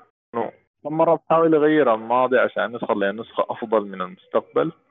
بيمشي بيلقى النسخة الأفضل ما فيها الأوريجينال التي اللي كان لقاها في في المرة الأولى. المرة الأولى كانت حقيقية يعني وكانت كان الأوت كم بتاعها مرضي بالنسبة له. ف عاش التجارب دي كلها كده ووصل لإنه يتقبل الحياة بأخطاء زي ما ذكروا الشباب هنا في النصرية يعني يتقبل الحاجات كلها بأخطاء بمشاكل مصيبة ويمكن دي الرسالة اللي حاب يوصل لنا في الحياة. إنه الحياة بكل تقلباتها الواحد يعيشها ويتقبلها وكده. فبس حاختم إنه آه، الفيلم ده حيظل واحد من أفضل الأفلام اللي أنا حضرتها. ما لأنه ناقش أفكار عظيمة وكان فيه آه، يعني آه، قضايا إنسانية بتخلي البني آدم إنه تحصل له استنارة عقلية في مشاكله الحياتية أنا الفيلم بالنسبة لي أقرب لل therapy يعني كل ما أكون زهجان شديد وعايز أغير مزاجي. بفتح الفيلم بحضر منه مشهد مشهدين. كل ما يلاقيني recommendation في اليوتيوب لواحد مشاهده بخش أحضر المشهد. وبكون مستمتع جدا يعني. لأنه آه، الصناعة بتاعت الفيلم ده كان فيها فيها بساطة ولطافة ما طبيعية يعني. وشكرا يا شباب. سهى والصادق يعني آه، ما شاء الله يعني. الصادق اللي بيشوف مداخلته ما يقول ده أول مرة يجي يتكلم في جلسات السينما. آه، طلع راجل مواهب مدفونة. سهى ما شاء الله فصلت في الفيلم شديد. آه، شكرا لكم وأستأذنكم. شكرا يا حارس آه، شكرا على المداخلة حقتك لأنها كانت يعني لخصت كلام كتير يعني كان مفروض أنا هكتب عليه لأنه يعني برضه about time آه، من الأفلام حقتي المفضلة فأنا هحاول أختصر والصادق يختصر عشان آه نمشي للمداخلات. الناس هيفهم excited شوية. الحاجة الحسة قال حارث. إنه الفيلم كان عبارة عن يعني about life أنا أقول. يعني لأنه بيتكلم عن الحياة عن حاجات ممكن تحصل لأي زول فينا. عن عدم التقبل اللي إحنا بنحس به كتير في مواقف كثيرة شديد في حياتنا. وإنه دايما فعلا الخطة الأحسن بالنسبة لنا هي الكاتبة لنا ربنا. يعني no matter no matter إحنا تقلبنا وقلبنا هوبة الحاجة دي بنشوفها من البداية لما تيم يحاول يغير حياة هاري أو مستقبل هاري. فبيكون عنده choices يعني. إنت يا يا تظبط حياة هاري يا تظبط حياتك إنت. تمام؟ فمن البداية بنشوف الحاجة دي. أنا أنا حاعمل skip لحاجات كتيرة وحاقول ال ال lessons اللي أنا حسيت إنه الفيلم ده أداني لها. قبل ال wedding آه، أم أم تيم قالت ل لماري It's very bad for a girl to be pretty. It stops her developing the sense of humor. دي حاجة صح شديد يعني most of the time. يعني في ناس بيكونوا فاهمتها صراحة. لكن يعني دي حاجة من الحاجات المهمة شديد. آه تاني لما أبو تيم في ال في ال wedding reception قال ال speech بتاعته قال له قال لهم يا جماعة try and marry someone kind. دي حاجة حقيقية. يعني الحاجات التانية دي كلها بتضيف حاجة. أيوة بتضيف للزول لكن someone kind دي براه أهم حاجة. يعني think إنه لخصت كلام كتير. بعدها أهم أهم حاجة الدرس لما لما تيم جابوا له بوزي فقام قال no one can ever prepare you for what happens when you have a child when you see the baby in your arms and you know that's your job that's your job now no one can prepare you for the love and the fear no one can prepare you for the love the people you love can feel for them and nothing can prepare you for the indifferences of the friends who who does not have a child أو كده بال I guess كانت حاجة بال ده فأنا عايزة أربط النقطة دي مع الحاجة اللي بيقولها لنا أهلنا دايما. لما يعني إحنا نقوم نكون لا يا يا أمي أو يا أبوي أنت ليه بتقول كده وليه بتعمل كده؟ فدايما نقطة ما حتعرف إلا لما يكون عندك عيال. فاي ثينك إنه تم لخص جملة أهلنا اللي بيقولها لنا كتير شديد وسمعناه كتير شديد بكلامه اللي هو قاله ده. إنه أنت بس بتتفاجأ بكم المشاعر اللي أنت ممكن يكون آه عندك تجاه شخص آخر. ف دي دي الحاجة عايزة أقولها ويا هو إنه ال quality time. يعني it's all about the quality time. And uh, thank you. صادق you can go. طيب آه، يا جماعة أنا تعقيبي ما حيكون زي ما حدثتوها عشان أديكم فرصة تدخلوا من حاجة كثيرة. كثير يعني آم طيب آه أول حاجة ممكن أقولها في مشهد آه النار شرس جمت جول دائما كان قلقان من إنه يغرق. الموية المجمدة دي الجليد ممكن يتكسر وما بعرف ممكن نقع ما بعرف الحاجات دي. ما خلته يستمتع بال- باللحظة الثنائية ديك كويس. آه لحد ما كليم كليمنتاين آه اسمه شنو؟ قدر تسحبه من الدوام بتاع القلق والتوتر دي حتى يقدر يستمتع ويحس ب يعني الإحساس بتاع اللي هي قلت له يعني طوال بتقول له آه live your life أو زي ما شفنا في البداية إنه دائما هي قلقانة من حكاية إنها ما عايشة حياتها كويس فرص ضايعة كثيرة ما قادرة تلاقيها. هي مقلقة وخايفة من الحاجة دي. القلق بتاعه ده بيكون من النوع من نوع تاني من نوع آه ما ما بخليه يعمل حاجة نهائي يعني ما بخليه يتصرف يعمل حاجة out of his comfort zone. أما القلق بتاعه هو من إنه آه لا أنا ما قادر أعمل الحاجة دي. المشكلة دي. Yeah. هنا آه كليمنتاين نوعا ما ذكرتني بميري في في ال wedding. في حفل الزفاف بتاع آه ميري وتيم.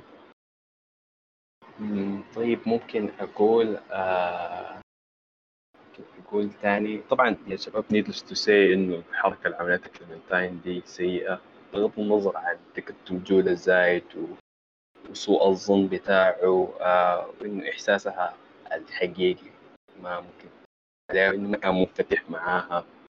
She was an open book يعني. قدامه لكن كانت بتكتب بتكتب من نوستي ما ما كان بيشارك في الحاجات دي. بغض النظر عن كده يا جماعة. وغيرها من الأسباب اللي حكمت على علاقة بإنها تفشل زي ما شفنا التراكمات آه، بتاعتهم. لكن يعني كانت تديه على الأقل يعني disclosure أو لو ما عايزة يكون في hint لأنه خلاص أنا آه، شايف العلاقة دي ما هتمشي لقدام. وخلاص ال- يعني صح كان في break up لكن like break up العادي من ال break up اللي بيعقبه آه، مسح من من الذاكرة نهائيا بحاجات تفرق حاجتين دي بيفرقوا عن بعض كتير.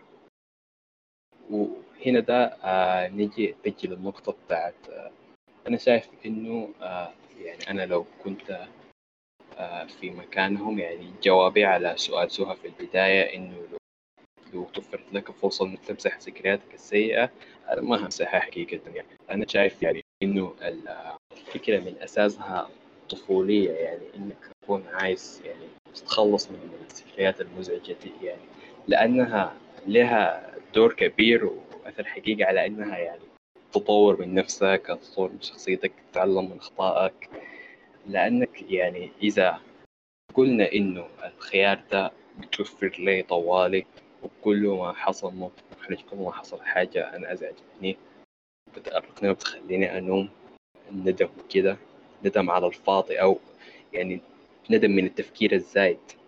آه وكل مرة أمشي أمسح ما ما حأمشي لقدام بل بالعكس هقع في هقع في فيجن سيركل هكون عالق في دائرة مغلقة. كل مرة نفس الذكريات السيئة اللي أنا مسحتها تلاقي نفسي واقع في مواقف مزعجة ثانية بشكل أو بآخر وتكونت لي ذكريات كمان سيئة وخلاص ما هقدر يعني أطلع من الدوامة دي. أنا أنا شايف كده ده حتى لو حاجة ما وضحت أو ما صوروها في الفيلم يعني في Eternal Sunshine لكن ما كان بيحتاج يصوره يعني. ممكن عادي الواحد كان يتخيل إنه شركة لاكوتا دي أو شركة Lacuna آه موجودة من زمان يكون في ناس عندها عملاء كتار و- وكل مرة مثلا في في العلاقات ناخذ العلاقات كل مرة بتحصل الحاجة بتاعت إنه الطرفين عايزين يمسحوا يمسحوا يمسحوا هنا يعني ذكرياتهم عن بعض نهائيا. وتاني بشكل أو بآخر بيرجعوا مع بعض. حاجة شفناها بصورة كبيرة جدا مع ميري لما كانت مع مديرها هاورد. إنها لما مسحت آه، ذكريات عنها تاني يعني ما قدرت تمسح ال- ال- ال- الجوهر الأساسي أو العاطفة ال- ال- ورا الذكريات دي العاطفة اللي هي اتجاه أو العواطف اللي اتجاه هاورد. و... وفي النهاية زي ما شفنا حصلت end دي. أو هي ما كانت كارثيه يعني أنا شايفها كانت حاجة أدت كل العملاء استفادوا من الخدمة بتاعت الشركة دي أدتهم فرصة تانية فرصة حقيقية إنهم في مجال العلاقات. على سبيل المثال ولا الحصر إنهم يكونوا ناضجين ويقيموها بشكل ناضج ويتعاملوا معاها بشكل ناضج يعني. إنه خلاص أنا ماشي أمسح و... وأكون فاكر نفسي ما ما هقدر أرجع ل- هنا ل- لنفس الحتات اللي أنا كنت أساسا مزعج منها وما عايزها. لأنه ميري كانت قالت إنه آه هاورد يعني إنسان عظيم بيقدر يوفر للناس فرص ثانية لكن هي في الحقيقة ما كانت فرص ثانية الفرص الثانية هي اللي قدرت توفرها من بعد ما عملت الحاجة دي كشفت الملفات الكونفidential الملفات السرية لعملاء الشركة من بعد إزالتها دي وودت الناس يعني كل ال- ال- ال- الفرص دي إنهم يقدروا يقيموا ويراجعوا روحهم. آه طبعا حاجة ثانية ذكرته سهى وتفصلت فيها بصورة جميلة اللي هو إنه آه يعني ال- the main events or the moments which lead to the main events آه كانت مبعثرة في أنحاء الفيلم. زي العقل البشري زي داخل الدماغ البشري بتكون الذكريات والحاجات دي مبعثرة. فما شفنا plot line كده شفنا سير الأحداث ما كان خط يعني.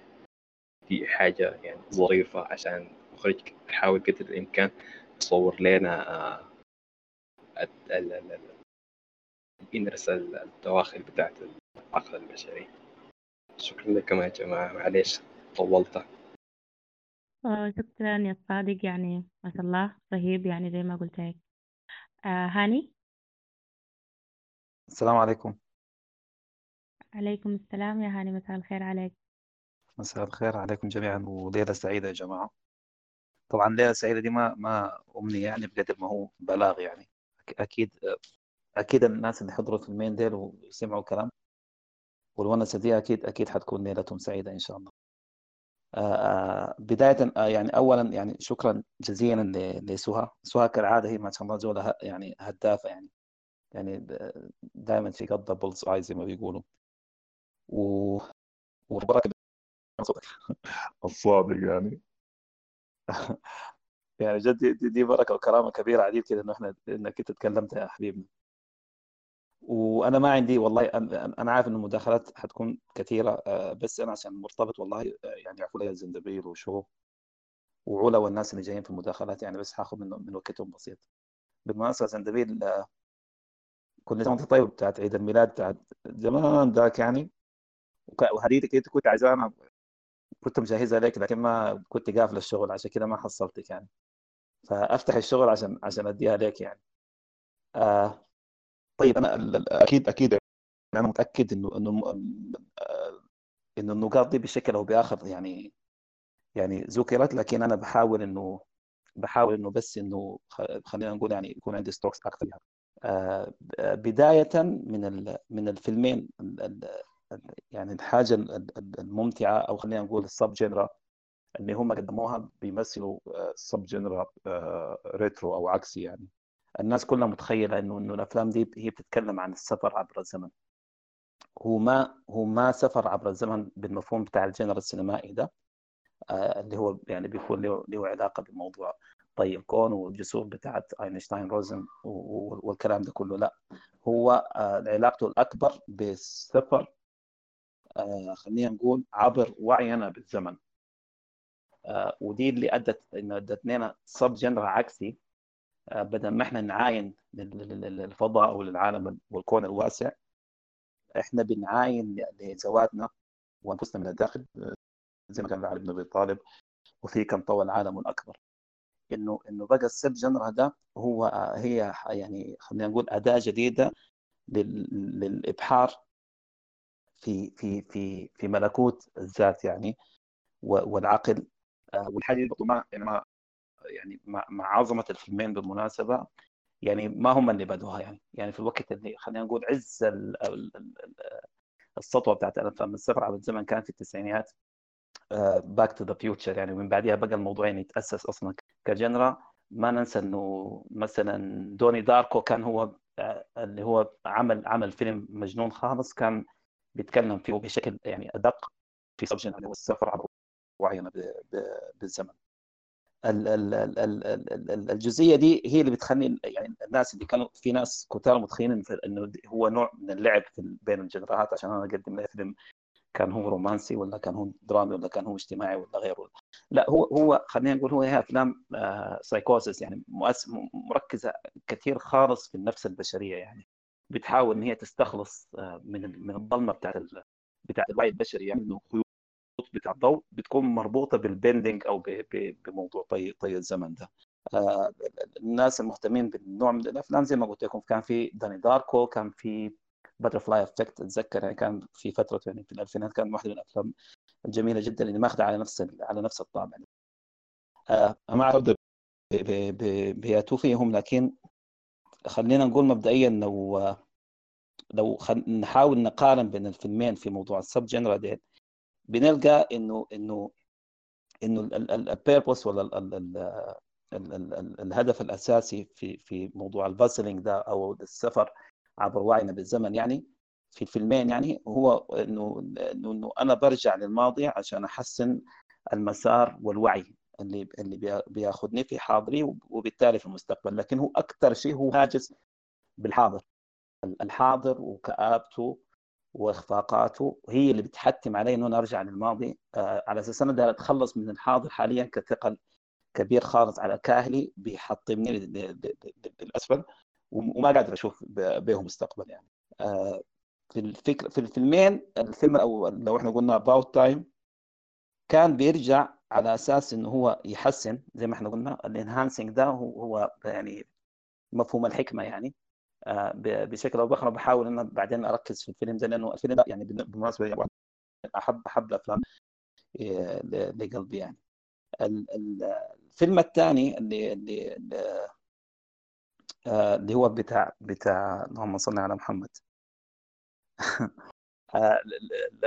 إنه هو ما بيتكلم فيه على مسألة إنه أنا برجع للماضي عشان عشان عشان أنضج أكثر أو نحدد المسألة. هو بيرجع للماضي عشان يمسحه كلية وبالتالي إذا هو يعني محى ال- ال- الالم المؤثر الفادح ده أوكي يبقى حاضرنا ما حيكون بمذاق ال- ال- العلقم ولا الحنظل لا إحنا إحنا بعد ده حنقدر نستطيع إنه إحنا بننسى أو نتجاوز. المصيبة الك- الكبرى في في إنه أنا ما قادر انسى وما قادر أتجاوز وعشان كده الحاضر بتاعي بالنسبة لي هو عبارة عن فخ. يبقى حله إن أنا أرجع لورا آه، لورا وإنه أنا أمسح ال- ال- الماضي كلية وبالتالي الحاضر حيمشي ل ل ل alter present أو أو أو أو واقع آه، يعني مضارع بديل. في الفيلمين برضو فيهم برضو في سيميلاريتي أو أو تشابه في إنه ال- فيلم منهم كان بيبحث خلينا نقول عن معضلة الفرصة الثانية إن هي تكون حل. بينما الآخر كان هو آه، طبعا آه، الفيلم الثاني بيبحث خلينا نقول عن حل لمعضلة الحياة كلها بأن هي تكون الحياة كلها آه، كفرصة ثانية. About Time آه، آه، هو اللي بيبحث عن معضلة الحياة حلها كفرصة ثانية. آه، فيلم شارلي كوفمان كان بيبحث عن عن معضلة الفرصة الثانية إن هي تكون تكون آه، تكون حل. آه، لو لو تكلمنا عن عن عن Eternal Sunshine of Spotless Mind أكيد آه، سهى يعني طرقت الموضوع ده بس بس آه، أنا عايز عايز أعيد التذكير به إنه إنه ال- ال- ال- العبارة أصلا مأخوذة من آه، من قصيدة طويلة خالص اللي بتاعت Eloisa to Abelard بتاعت سير ألكسندر بوب اللي هو بيتكلم فيها عن نعمة الجهل أو نعمة إدارة الظهر لكل لكل حوادث الحياة والبداية من مرحلة صفريه مرحلة صفريه ما يعني. والحاجة دي بالمناسبة يعني يعني لازم يعني heads up يعني وإن إحنا يعني نحيي فيها تشارلي كوفمان اللي كان عنده مشروعه كله السينمائي اللي بدأ فيه لحد الآن ولحد ما حيكمل من قدام كان تخصصه آه، بشكل أو بآخر في ألاعيب العقل يعني. يعني كل شخصياته وكل الحبكات بتاعت الأفلام بتاعته بتدور حول حول المحور إنه إحنا داخل اما عقل معطوب ب ب- بشكل أو بآخر وعنده العطب ده بالنسبة له آه، هو المحرك والمحفز على أساس إن إحنا نقدر نسترز بالحياة نفسها من أولها ومن من أولها لحد آخرها. آه، آه، وفي نفس الوقت بتكون بيكون أبطاله ما عنده أبطال خلينا نسميهم أبطال نموذجيين لا كلهم أبطال معطوبين أو بشكل أو بآخر. عشان كده إحنا بن يعني الإسقاط كله من داخل عقله. العقل ده بالنسبة له اما هو حيكون عقل واعي أو عقل باطن لكن بيفتح المجال في إعادة قراءة ال- ال- الحياة والدنيا آه، كما لم يكن من قبل. ودي ودي يمكن دي دي البدعة وماشي فيها زي ما قلت لكم المشروع يعني بدأ فيها من بينج جون مالكوفيتش آه، وكان باين انه هو الدخول لع- لعقل كان في الفكرة أصلا هو الدخول لعقل الممثل ده. والسيطرة وموضوع ال- ال- السيطرة والإرادة الحرة والحكاية دي طبعا جزاها في على الشخصيات الثانية. آه، مشينا في Eternal Sunshine Minds مشينا ل Adaptation برضه نفس الحكاية كان العقل بمفهوم إنه ممكن إنه الإنسان نفسه بيكون آه، منفصل ما بين واحد آه، بيتعاطى مع الحياة بسذاجة والحياة تديه كل حاجة وبين واحد لا. هو الواعي وهو وهو ال- ال- العاقل على أساس كده الحياة قاعدة تنعم في سلسفيله آه بعد ما جينا ل آه، ال- ال- الفيلم بتاع ال puppets اللي, اللي هو عمله كان بنفس الحكاية نحن داخلين داخل الصوت بتاع العقل المعطوب من الداخل. آه لحد آه نيويورك Synecdoche بعد ده جينا لحد ما وصلنا thinking of ending things. آه مشى لاخر فتيل أو شعلة من من من من العقل في وعيه وهو خلاص حيسلم يعني وقعدنا معاه في في الملحمة دي. فال- فالمسألة أنا قصدي لما لما لما نلقى إنه إنه هو لأ يتعامل حاليا مع مع موضوع ال- ال- ال- النسيان كنعمة أو خلينا نسميها الجهل كنعمة إنه لأ إنه حنرجع ثاني للموضوع لازم يكون دارك ومكسر كعاده كعاده آه، تشارلي كوفمان يعني. ألكسندر بوب بيقول يا لسعادة الراهبات الطاهرات. نسينا العالم والعالم قد نساهن. إشراقة أبدية للعقل الطاهر. قبلت كل صلواتهن ورفضت كل أمانيهن. الصلوات اللي اللي قبلت اللي هي في موضوع إعادة ال- ال- الفرصة الثانية إن هي تكون فرصة صفرية من الأول وجديد. رفضت كل أمانيهن في إن هم بيكون عنده تشوق فيه إنه يكون عنده امتداد أو ريتش لشخصيته أو لحياته لكن الحاجة دي ما حتكون موجودة. طبعا القصيدة بتاعت إلوسيا و- وبالارت هي واحدة من عيون القصائد في الأدب ال- الإنجليزي لأنه هي كان يعني مرتبط لواحدة من أشهر أدبيات ال- ال- الكنيسة في القرن ال- آه، أظن القرن ال 12 آه، اللي هم يعني كان آه، قصة بدت خلينا نقول علاقة محرمة كانت ما بين ما بين اثنين في في في منظور المجتمع ذاك يعني اللي هو إلوسيا وبالارت. وبعد ده انتهت نهاية فاتحة ولما آه، انتهت كل واحد أخذ آه، يعني استقل بتيار حياته وكل واحد وداه في حتة ثانية بعد رجعوا ثاني يتلاقوا لكن يتلاقوا بعدين بعد ما إلوسيا بقت آه، راهبة مشهورة في في, واحدة من الأديرة وأصبح آه، د- د- بالارد آه، بقى هو بقى هو البابا ذاته يعني. فالفكرة دي نفسها يا جماعة إنه هو موضوع التطهير والبداية دي إنه هو ما ما تطهير وجودي بقدر ما هو أيضا يعني تطهير ديني في نفس الوقت يعني. عشان كده هو كان يعني كان آه، مركز على على على التسمية دي. الجزئية الثانية آه، اللي هو تسمية البطلة آه، كليمنتين طبعا Oh my darling, oh my darling Clementine دي عن بنت غابت في في منجم تبع أبوها يعني واتقتلت هناك. يعني. القصة القصة طبعا عبارة عن واحدة من أشهر ال folks إنه عندها أكثر من من 100 وأنا قريت لها يمكن حوالي 70 لكن اكتشفت فيما بعد إنه عندها أكثر من 150 مقطوعة آه، أو رباعية كلها Oh my darling, oh my darling آه، كلمتين اللي هي غابت للأبد وتفرض خلينا نقول نسميه ال- الثروة أو الندامة ما بعد موتها يعني. اذا آه، كلمنتين نفسها هي عبارة عن هي البنت اللي حتمشي لاوغل نقطة في في في عقل عقل البطل أو في في منجمه على أساس إنه هو بيحاول إنه آه أيوه أوكي. والأصل العثماني زي ما قالت زي ما قالت آه زي ما قالت سوا. يبقى ما بين الاثنين هو كون ال- ال- ال- ال- الفكرة المجنونة بتاعته. و- و- والفكرة بتاعته زي ما قلت لكم هي ما technical بقدر ما هي فلسفية يعني أكثر يعني. يبقى هو رجوع بالزمن لكن بدل ما أنا برجع في في في في جسر بتاع أينشتاين روزن أنا برجع للمخ نفسه وبحاول أقتل ال wormholes دي على أساس إن أنا أوصله لمفهوم آه، نعمة الجهل اللي هي بتديني أنا الاستقلالية انه أنا أوصل للمرحله الصفريه إن أنا بقدر آه، إنه أنا أتخطى أو أو أنا أتجاوز. آه، ال mirroring بتاع الشخصيات غير البطل والبطلة بت- بتلقوا إنه في في كان في اشبه ما يكون مثلث آه، عاطفي يعني. المثلث الأولاني آه، كان داخل مع مع جول وكلمنتين كان داخل آه، وود آه، شخصيته كان اسمها باتريك أظن.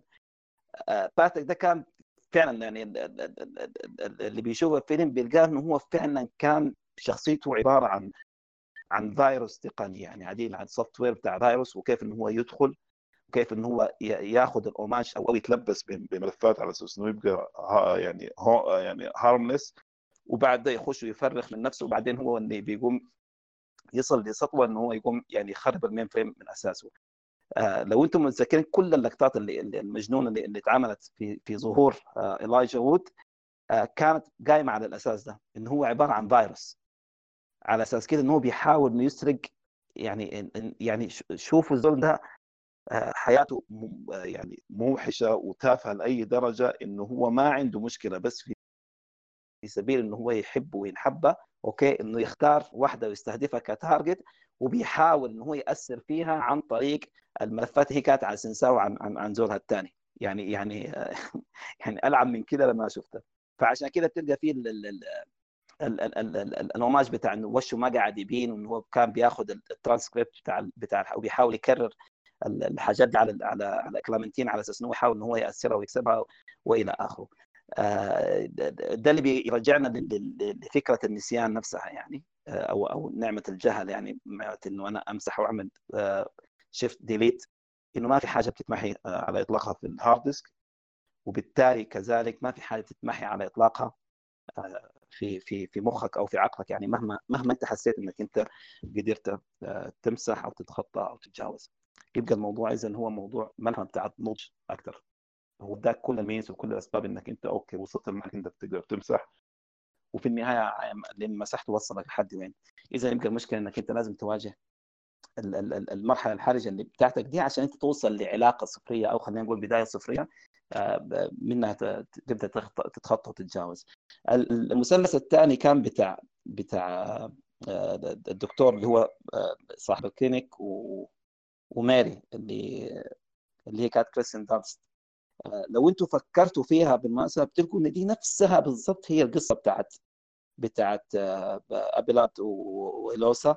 لأنه لأنه فعلا هو ذاك بيمثل عنده عقده عقدة الأستاذية والبنت دائما بتحبه. عقدة بيجماليون أو أو بيسموها عقدة الأستاذ يعني كان زي ما كتبها آه، جورج برنارد شو قبل كده. آه، لقوا الموضوع وصل لحتة آه، مقفولة مسح ذاكرتها وهي ما عارفة رجعت. آه، وبدت هي تحاول من أول وجديد يعني. آه، والحكاية دي آه، هي بعد ذاك إنه هي تفاجات إن هي إن كل اللي قاعد تعمله إنه هو عبارة عن rotation ما قاعد يتغير. وده بالنسبة بالمناسبة هو نفس ال- ال- اللفة اللي حصلت في القصة بتاع ال- ال- الكنسية اللي هي موجودة اللي هي موجودة في القصيدة. اللي آه، ما عايز آه، آخذ كثير في في في في في فيلم شارلي كوفمان لكن لو رجعت لل- لل- لل- المشهد الأيكوني. بتاعهم اللي هو موجود في الأفيشات يعني. هو آه، هو اختصر لك الفيلم ذاته هو عبارة عن شنو يعني؟ إنه هم الناس زي لقوا يعني أحلى لحظة بتاعت سلام آه، كوني بتجمعهم الاثنين وهم في قمة عشقهم و... و... وانتمائهم لبعضهم البعض هم كانوا في اللحظة إن هم ما عارفين هم ماشيين لوين. ابدا ما هم كانوا مؤمنين باللحظة انه كل واحد بيقدر يستلم بروح للثاني من دون أي خوف من دون أي حاجة. ولو أنتم متذكرين كان المشهد ده كان في فوق النهر المتجمد انه هو آه، ودي كان يعني دي, دي أنا أفتكر يمكن يعني أروع ما في في في الشاعرية بتاعت الفيلم. إنه الناس زي قاعدين في فوق نهر متجمد الصفحه بيضة بيعاينوا النجوم وتاركين نفسهم يعني في في في في في, ال flowing ده بتاع السلام الكوني. لكن الصفحة البيضاء كان يعني كان تحتها أنتم متذكرين كان في زي جليد متشقق يعني. مع إنه الجليد ده متشقق okay؟ الناس زي ما كانوا freak out ولا كانوا خايفين ولا كان يعني هو هو ده اللي بيقول لك. بيقول لك إنه الحياة الحياة الحياة في في ألذ وأقصى تجلياتها بتؤخذ على علاتها. ما في ما في حالة خلينا نقول آه، حالة مس يعني آه، حالة لا نهائية في موضوع السعادة إنه كل حاجة من أفضل ما يكون. لا. هو بيقول لك لا انه إنه الفكرة انه انه إنه الحياة نفسها بتكون في أقصى تجلياتها وإشباعاتها. آه، لما لما إحنا نكون عارفين إحنا نسلم نفسنا اللحظه دي ومع ومع علمنا بأنه الدنيا أصلا بنت كلب والدنيا خلاص أنا حوقف يا زندبيل عشان ما ما أخذ من من مداخلاتك. ال ال نمشي للفيلم الثاني. اللي أنا أنا قلت لكم انه هو أثير جدا. أنا كنت بشبح له كثير لأنه بجد حاسس إنه الفيلم ده أكثر فيلم يتهضم في في, في الألفينيات. اولا مش عشان التكنيك بتاع السفر عبر الوعي في الزمن. آه، أهم حاجة فيه إنه أنا أنا خاطر الفيلم ده واحد من أعظم ثلاث أفلام في تاريخ السينما اللي هم تناولوا فيها عاطفة الأبوة يعني وقدروا إن هم يحرروها دراميا. okay؟ ما إنه انه إنه ليه دور بطولة لكن هو ما ال arc يعني البطولة موجودة لشخصيات ثانية ودي بالمناسبة هي دي ده, ده معنى الأبوة أصلا. هو بيكون موجود في ال shade في الظل لكن هو القوس الدرامي كله بيكون شايل القصة على مبناه هو كمعنى الفيلم الثلاث أفلام اللي هو About Time طبعا. و Interstellar بتاع كريستوفر نولان على أساس مولانا حارس ما يزعل وفي فيلم كان بعتبره من من أجمل ما مثل آه، في اللي هو آه، سنة 93 أعتقد لو ما خانتني الذاكرة The Name of the Father كان كان برضه فيلم ممتاز جدا بنفس المفهوم ده. ال arc آه، الثلاث أفلام دي بيتكلموا عن عن المعين العاطفي من من من, يعني من, من نظرية فنية لمفهوم لمفهوم الابوه آه، آه، الفيلم ده ما بينهم انه إنه هو الوحيد اللي ما كان دارك يا جماعة. الفيلم ده كان فرايحي بشكل يبكي. حتى يعني يا جماعة يعني كان عشان كده مشى على rom com أو romantic comedy وفي نفس الوقت شوفوا ال palette بتاعت الألوان يا جماعة فيها كل الألوان الفاتحة. يعني ما خلوا لك لون حايم ساي اللي جابوه اللي جابوه. يعني موضوع ال ال ال موضوع ال color correction بحيث إن هم يوصلوا ل palette تستقبل الألوان دي. إن أي مشهد ارجعوا شوفوا المشاهد دي يا جماعة بتقول لك يعني كمية من الألوان الفاتحة بتكون بتكون in the name of the father أيوه زي ما قلت يا عم. آه، ليه الفكرة دي؟ لأنه لأنه فعلا إحنا بناخذ يعني ناخذ أعلى حتة في الأرك زي قصة آه، آه، تشارلي كوفمان دي. بنلقى إن القصة دي عشان تمشي لازم تمشي لموضوع التطهر والتطهر له معنى ديني. لما يجي برضه لمعنى انترستيلر مثلا أخذ مفهوم العاصفة أول لما وصلها وصلها الحته هي فوق واقعية. أو خلينا نقول يعني بمفهوم ال fathering اللي هو الكنسي يعني. لكن هنا لا هنا هو هو أب. زي زي ما آبائنا دي الحاليين ولا في أي فرق ابدا. والقصة نفسها ماشية على مفهوم المفهوم الكوميدي ده كله. وهو عايز يوريك يقول لك إنه الحاجة دي أنت قاعد تشوفها كل يوم أوكي؟ دي عبارة عن معجزة هي ما ما ما حاجة تتشاف ما حاجة فيها تتشاف فيها كل يوم. آه في كم آه من من ال highlights الحلوة عجبتني في الفيلم كثير. إنه إنه كان آه، مثلا مما بدأ آه، جته الهبة إنه هو ممكن حاليا إنه بيرجع للماضي عشان عشان يعيد تحرير الحاضر. أوكي؟ كان لما فتح عليه أبوه الأوضة وكان هو في الغرفة كان في poster بتاع فيلم إيميلي في غرفه تيم ودي هو هو ده وراك يعني وراك أنا داير أصل بالفيلم في مفهوم إنه أنا بحرر الفيلم من سوداويته لأي درجة. قال لك إنه أنا حصل بيك إنه حقدم لك فيلم بنفس الانطباعية بتاعت بتاعت إيميلي مع إنه الفيلم نفسه dark آه، لكن لكن ما ما شفناه dark آه، ابدا. آه، ال mission دائما في في في في الانتقال عبر السفر عبر لازم يكون في mission. مرتبط بالبطل حتى لو كان في الانتقال عبر الوعي بالزمن يعني. أوكي؟ ال mission بتاع Interstellar كان واضح. مثلا ال mission بتاع بتاع جيم كاري في في في في فيلم شارلي كوفمان كان واضح. أوكي؟ طيب الفيلم هنا ال mission بتاعه كان شنو؟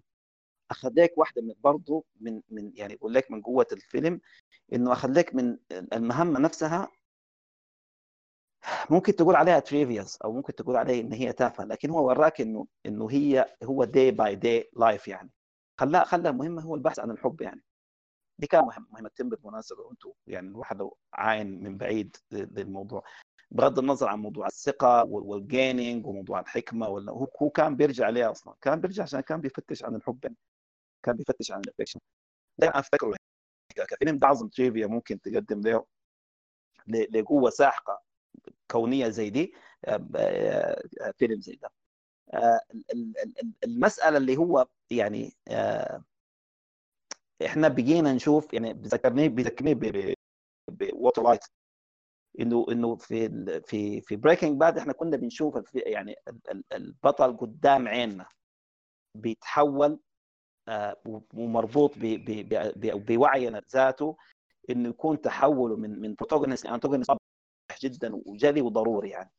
برضه بنفس الحكاية دي في الفيلم ده يا جماعة كان بيحول لنا مفهوم النضج من السذاجة من يعني مثالياتنا اللي إحنا بنكبر فيها لما بنكون في في سنين المراهقه وفي العشرينيات وكيف إنه كل مرة الموضوع ده إنه بيكون نظرتنا أعمق وتخلينا عن عن السطحيات أكثر وبيكون بحثنا عن السعادة ك value engineering يعني أكثر من السعادة هو ك ك كحصان وبوني وفقاعات وكلام فاضي زي ده يعني.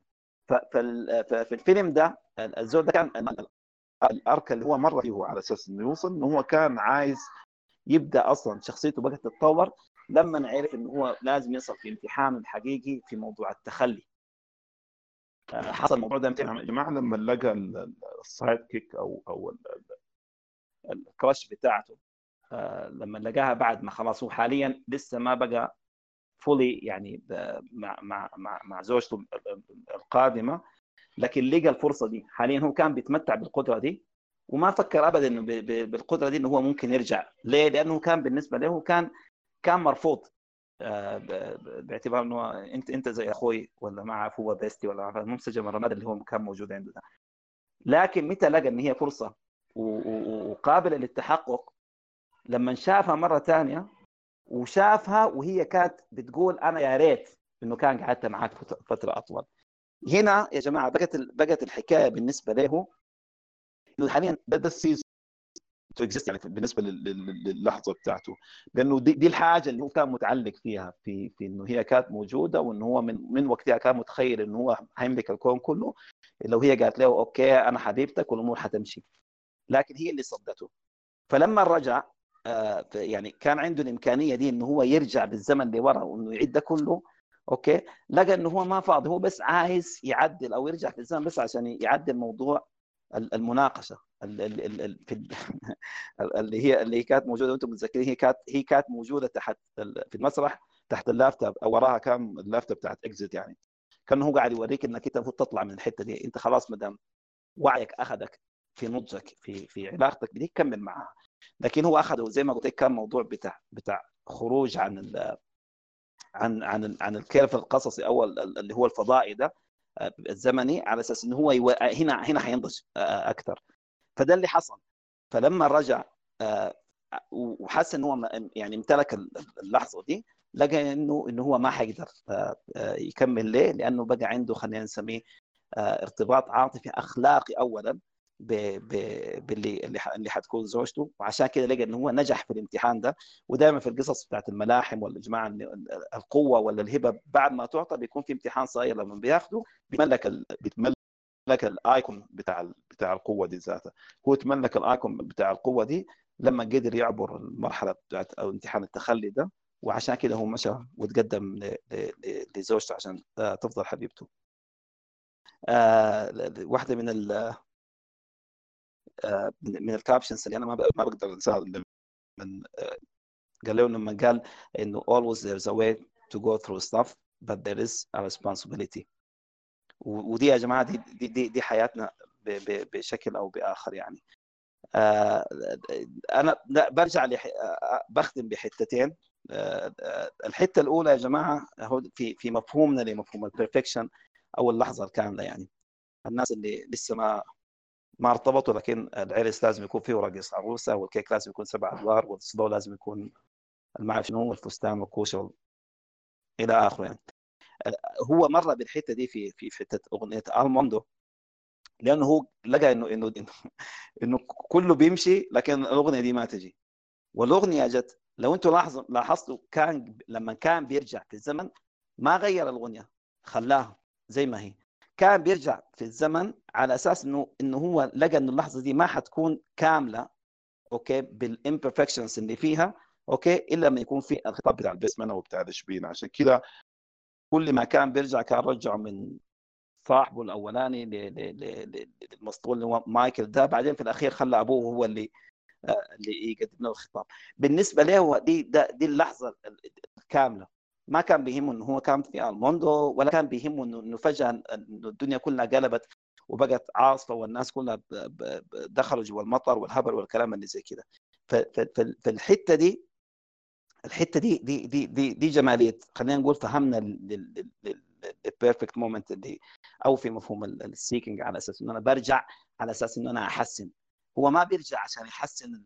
ما هو أنا لو أنا برجع عشان أحسن الظاهر والشكليات دي يبقى أنا رجعتي أصلا أو هبتي دي ما لها ما لها أي معنى وفعلا حتكون آه trivial يلا آه في كل الفيلمين آه في كل ال- ال- العقدة بتاعت البطل الرئيسي بشكل أو بآخر عاملة mirroring مع الشخصيات الثانية زي ما أخذناها في آه في فيلم شارلي كوفمان.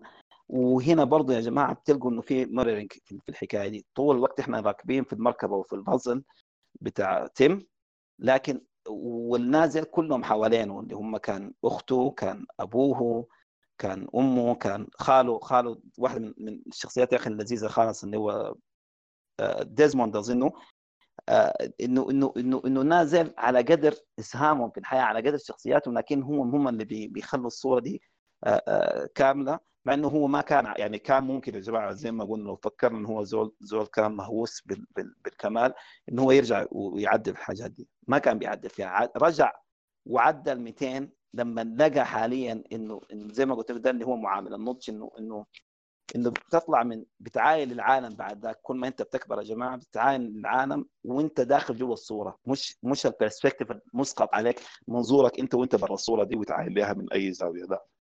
هو عشان كده لما عشان كده لما رجع رجع عشان يحاول آه، ينقذ أخته. وفعلا الحكاية اختلفت عليه. يعني خلينا نقول اختلاف مهول لما لما سافر عبر الزمن وعدل. لكن رجع إنه لقى إنه الولد آه، قلب بنت وكان ما كان عنده مشكلة زي ما قلنا لك. هي مسألة الريسبونسبيلتي اللي هو قاعد يمشي فيها. ومنها بيجي يعني أكبر معنى في الفيلم الابوه وفي نفس الوقت أكبر معنى في الفيلم ده اللي أنا ما يعني والله ما لقيته في فيلم ثاني يعني. اللي هو إنه إنه دي حيلة آه موضوع السفر عبر الزمن وعشان أرجع وعشان أفتش على نقاط الكمال أو الصورة الكاملة واللحظه الكاملة. آه، لكن في نفس الوقت عندها side effect okay إنه هو بيديك قدرة البطل دي لكن ما بيديك قدرة إنك أنت بيكون عندك المسؤولية آه وال free willing إنك أنت إنك أنت تقضي كل يوم كما هو وإنك تطلع فيه بأحسن ما يمكن. طالما إن عندك ال back door ولا الباب السري ده ما حيحصل الشيء ده. فمن من هنا آه عملوها بطريقة حلوة إنه إنه إنه ما حيتقفل له الباب أو الهبة ده إلا لما يتولد له الولد الثالث.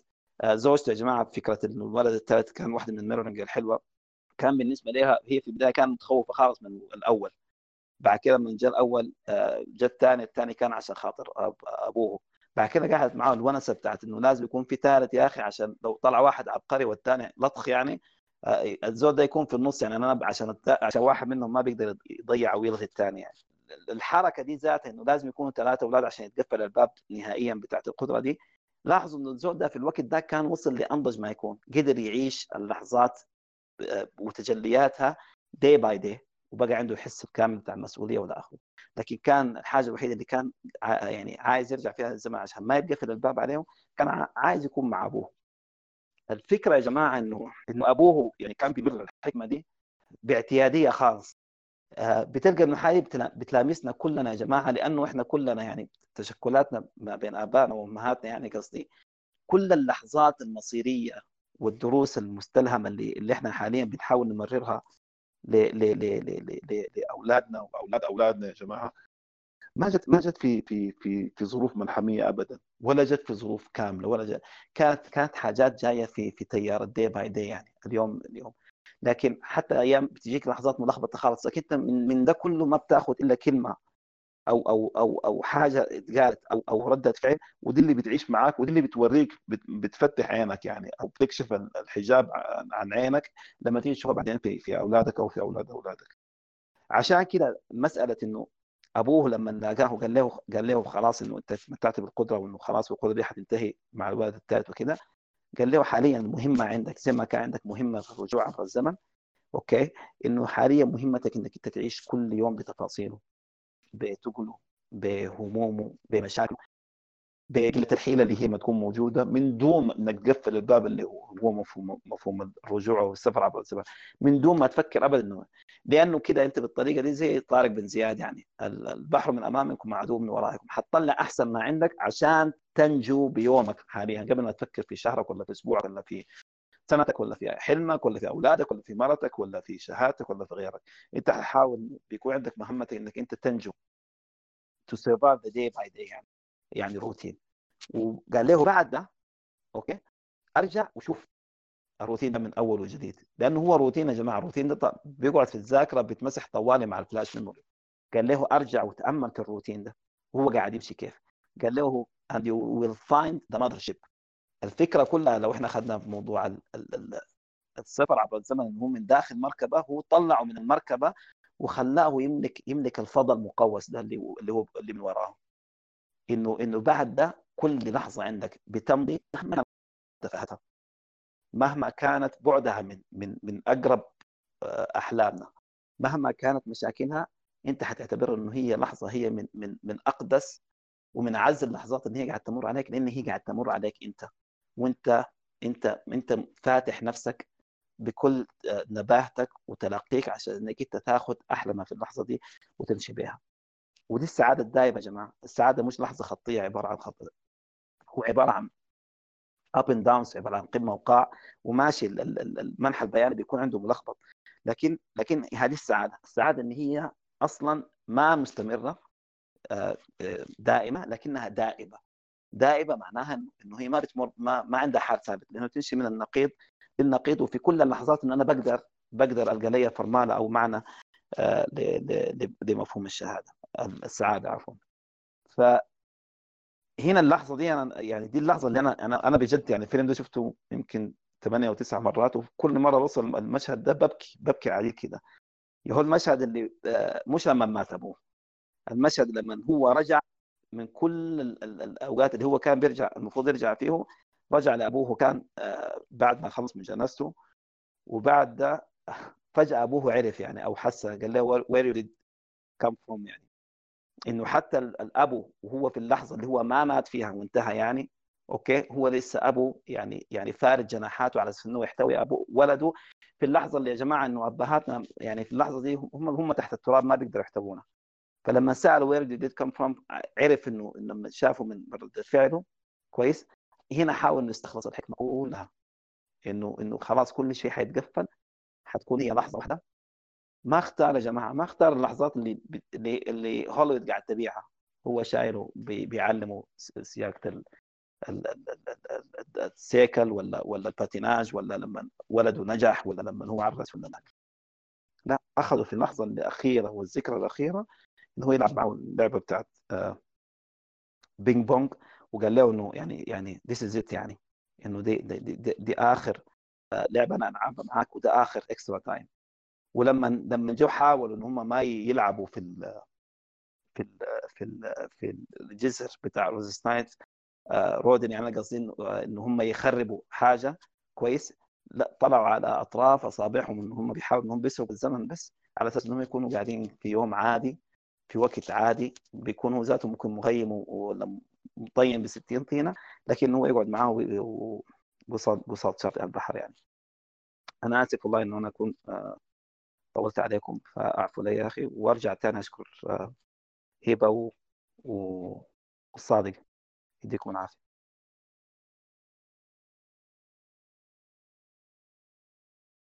آه والله يا هاني يعني يا ريت لو استفدت زيادة في الكلام لأنه صراحة ما قصرت معاه نهائي. آه ويعني اختصرت كلام كتير إحنا كنا عايزين نقوله وكنا عايزين نربط بيه بين الفيلمين لكن يعني ما شاء الله عليك كفيت ووفيت فممكن عادي بعد كده نشوف آه، المداخلات. آه مساء الخير. أول حاجة شكرا يا صادق وسهى ويا هاني. يا هاني ذكرتني. الفيلم في بتاع internal sunshine. شفته لما البيت كان بينهار كل ما يجي يسكوا حاجة فأنت يعني المداخلات كلها ما شاء الله غطيتها. ف هسه أنا ما أعرف أقول لكم شنو. لكن أنا عندي حاجة واحدة عايزة أقولها. آه كانت في الفيلم بتاع About Time. دي طبعا يعني مستني شخصيا. آه كانت عن شنو؟ عن كيت كات كيت كات لما أخوها حاول ينقذها الموضوع شوية ديني لكن واقعي اللي هو نحن ما بنقدر نغير زول حتى ربنا ما بيقدر يغير زول. آه لأنه قال لا يغير الله ما بقوم حتى ما حتى يغيروا ما بأنفسهم. فلما شفت المشهد ده ولما شفت كلام مرته وفعلا حصل اللي هي قالت عليه وهنا حسيت إنه واو كذا. عارفين زي لما تكونوا مآمنين بحاجة وبعدين تقوم يعني تحصل لكم. كان عندي إسقاطات كتيرة زي دي لكن أنا كنت يعني سرحانة مع المداخلات بتاعت هاني تاني عندي حاجة اللي هي صراحة يا جماعة الفهم قسم ومتفاوت وكده. أنا ما قدرت أحس بالفيلمين شديد مع بعض لكن في internal sunshine حسيت إنه بيشبه أفلام تانية أكتر من about time. آه في لحظات معينة زي مثلا لما كان بي آه بقاتل في الذاكرة بتاعته أول حاجة جات في بالي هي الناس بتاعين الزهايمر اكسبت إنه صاحبنا ده اللي هو عمله براول تسويه بإيدك يغلب أجاويدك. لأن الحاجة دي حصلت له لما انفتح فجأة في نص ال ال ال العملية بتاعت مسح الذاكرة لما كان هرب هو وحبيبته في الذاكرة بتاعته وعيونه بدأت تدمع لكن ما في زول حيلحقك لأنه دي يعني خلاص سو- تسويه بإيدك يغلب أجاويدك آه وبرضه كان ذكرني بالفيلم بتاع بتاع The Father. آه حق أنتوني. اللي كان ممثل فيه أنتوني. آم، الفرق بين أنتوني والممثل بتاع Eternal Sunshine إنه they're both fighting لكن أنتوني كان بي fight في آه، مرض وده كان بي fight في حاجة جوا الحلم هو ما عارف شنو لكن هو الطلبة. فالموضوع كان ماشي عندي أكتر في الذاكرة وكنت صراحة يعني أمنية بسيطة إنه لو الفيلمين ديل كانوا يتناقشوا مع بعض أكتر. وبرضو ذكرني في حتة كده بالفيلم بتاع 50 First Date لما هم كانوا قاعدين جوا الذاكرة بتاعته وبقت تقول له حتى لو طلعت أنا حتذكرك أنا ما حخليك. لكن الكلام ده في راسه الكلام ده, ده ما حقيقة. دي نفس الحاجة اللي قالها آدم في 50 First Date اللي هو قال لأبوها I'll fight for her. أنا كل يوم حاصحى وحذكرها إنه أنا منو عشان there's love. دي نفس الحاجة اللي حصلت في الفيلم بتاع The Father إنه لما كان بيشوف بيته لما في 50 First Date لما هي كانت بتشوف آدم و... وده لما كان بيشوف حبيبته كان في حاجة بتذكرهم بالناس دي مثلا في 50 First Date هي كانت كل ما تشوف آدم بتقعد تغني أغنية معينة. ما بتغنيها لما تكون ما شافته في الأيام ديك فدي هنا الحتة بتاعت fighting memory except إنه عباس بتاع internal sunshine دي كان عملها براو يعني. وشكرا. شكرا يا زندبيل نقاطك رهيبة شديد بالذات في النقطة بتاعت كيت كات وإنه يعني الزول ما هيقدر يتغير ما لم هو براه يكون حابب يتغير. علا السلام عليكم وكيفكم؟ إن شاء الله كلكم كويسين. وشكرا الصادق وشكرا سهى على طرحكم الرائع. وشكرا لكل المتداخلين آه أنا مداخلتي عن About Time تحديدا. آه لأنه أنا بديت أتعلق بالفيلم ده في الفترة الأخيرة. آه في آه بس عايزة أقول قبل الحاجات اللي عجبتني في الفيلم وأولها آه الحتة بتاعت البطل أو الشخصية الرئيسية في الفيلم لو لاحظنا ما كان عنده أي آه، من مقومات أو صفات غير قدرته على إنه هو يسافر عبر الزمن. هو كان شاب عادي شكله عادي. أو يمكن حتى أقل من عادي بمواصفاتهم. آه، ما بتقدر تصنفه إنه هو جميل أو بهية طلة أو وسيم عشان يقدر يستخدم الحاجة دي ويجذب بها حبيبة أو زوجة أو أيا كان وغير شكله المتواضع آه، نسبيا. فهو كان شاب كلمزي أو أخرق نوعا ما أو بلهجتنا بنقول أروش شليق. فقدر بدون ما يغير الحاجة دي بدون ما يغير حاجة من صفاته الجوهرية قدر إنه يلقى الحب ويلقى الإنسانة اللي بتبادله الحب والشغف حتى وهو ذا سيم يعني بدون ما يتغير فيه حاجة. وده بيودينا للنقطة الثانية اللي اللي خلت الفيلم مميز شوية عن باقي الأفلام الرومانسية. آه الفيلم قد يكون تصنيفه رومانسي. بس هو غير عن كل القصص الرومانسية اللي بنشوفها في السينما آه لأنه About Time قصته ما بتستند على لقاء بين حبيبين وبعد ذاك فراق عشان في النهاية يرجعوا يجتمعوا أو ما يجتمعوا في نهاية الفيلم. آه ما فيه الحاجة دي. الفيلم بيمشي معك من لحظة ارتباطهم وهم مع بعض بيبادلوا بعض نفس المشاعر بيبادلوا نفس الأحاسيس اللطيفة وبيجيب لنا مشهد الزواج في نص الفيلم ما في الختام زي معظم الأفلام ال- الرومانسية. فقصة الحب اللي وردت في الفيلم ذاتها كانت قصة جميلة لطيفة خالية من الألم خالية من الانقطاع بين الحبيبين خالية من الخذلان. دي حاجة حلوة شديد من وجهة نظري. آه، أخيرا النقطة الأخيرة ودي حاجة أنا حبيتها شديد في الفيلم. آه، About Time الفيلم تصنيفه كان رومانسي فانتزي بس الفيلم كان بيميل للكوميديا أو بيحوي جوانب كوميدية كثيرة بتعزز لقصة الفيلم. وأكثر طي... أكثر حاجة كوميدية في الفيلم كانت الطريقة بتاعت السفر عبر الزمن. اللي بيستخدموها الأب وولده اللي بمجرد بس إنهم هم آه، يدخل المكان المظلم أو المعتم أو الخزانة زي ما شفنا في الفيلم ياخذ الوضعية المعينة اللي نحن شفناها وبالها نفسه هبطة سافر عبر الزمن. فالحاجة دي آه، غير الجانب الكوميدي فيها وإنها هي حاجة مضحكة وضحكتنا فهي حاجة ممتازة في إنه آه، ما شغلتنا عن قصة الحب الأساسية الموجودة في الفيلم. الفيلم ما أخذ وقت عشان يفصل لنا ويشرح لنا كيف عملية السفر عبر الزمن بتتم. ما في آلات ما في طقوس كثيرة ما في جوطة. طيب ليه هو عمل كده؟ أنا بشوف إنه آه ال ال الاختيار بتاع طريقة السفر عبر الزمن كان ببساطته اللي إحنا شفناها دي عشان الفيلم محوره الأساسي ما ما الفانتازيا في الأصل أو السفر عبر الزمن كفكرة. آه ببساطة الفيلم كان about love أكثر من كونه about time زي ما اتذكر في مداخلة إنه هو about love. فإحنا نركز على الجانب الرومانسي في الفيلم أكثر مما نركز على الفانتازيا اللي فيه وكيف يسافر عبر الزمن والطريقة والآلات المستخدمة وغيره وغيره وغيره. فدي كانت حاجة لطيفة وكانت حاجة حلوة. شكرا تاني الصادق وشكرا يا سهاب. كنتم رائعين وليلة سعيدة لكم كلكم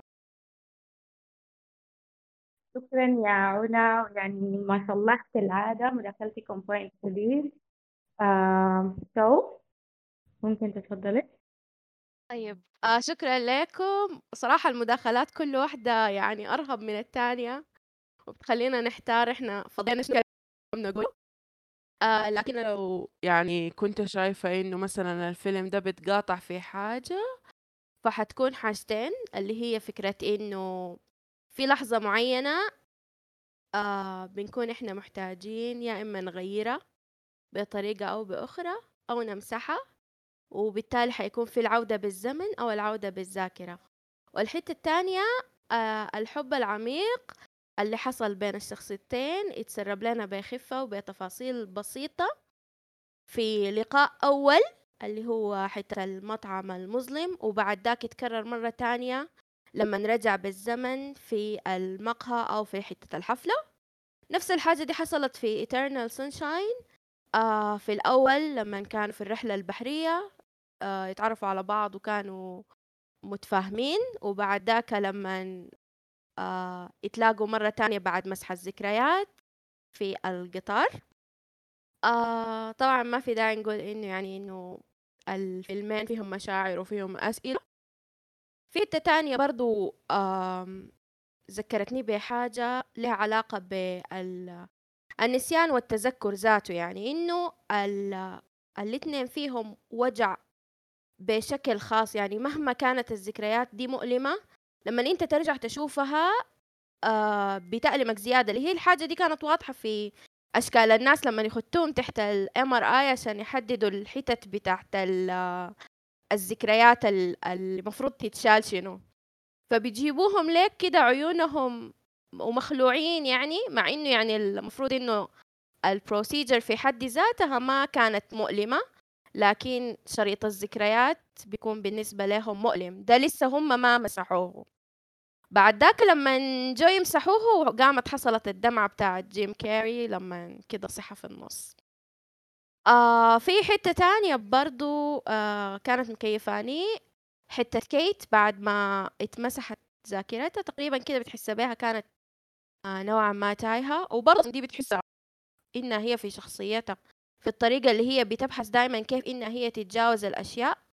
مبدئيا بإنها مشت قامت عملت مسح ذاكرة وتاني في حتة إنها هي كانت آه بتعمل حركة إنها هي pasting her hair بتصبغ شعرها لأنها تتجاوز بعض اللحظات يعني. ودي حاجة بيعملوها ناس كتار يعني. آم تقريبا هي دي كل النقاط إن شاء الله ما كنت نسيت حاجة. ويا سهى يعني أنا ذكرت حتة الشعر دي برضه عشان تقومي تقولي علينا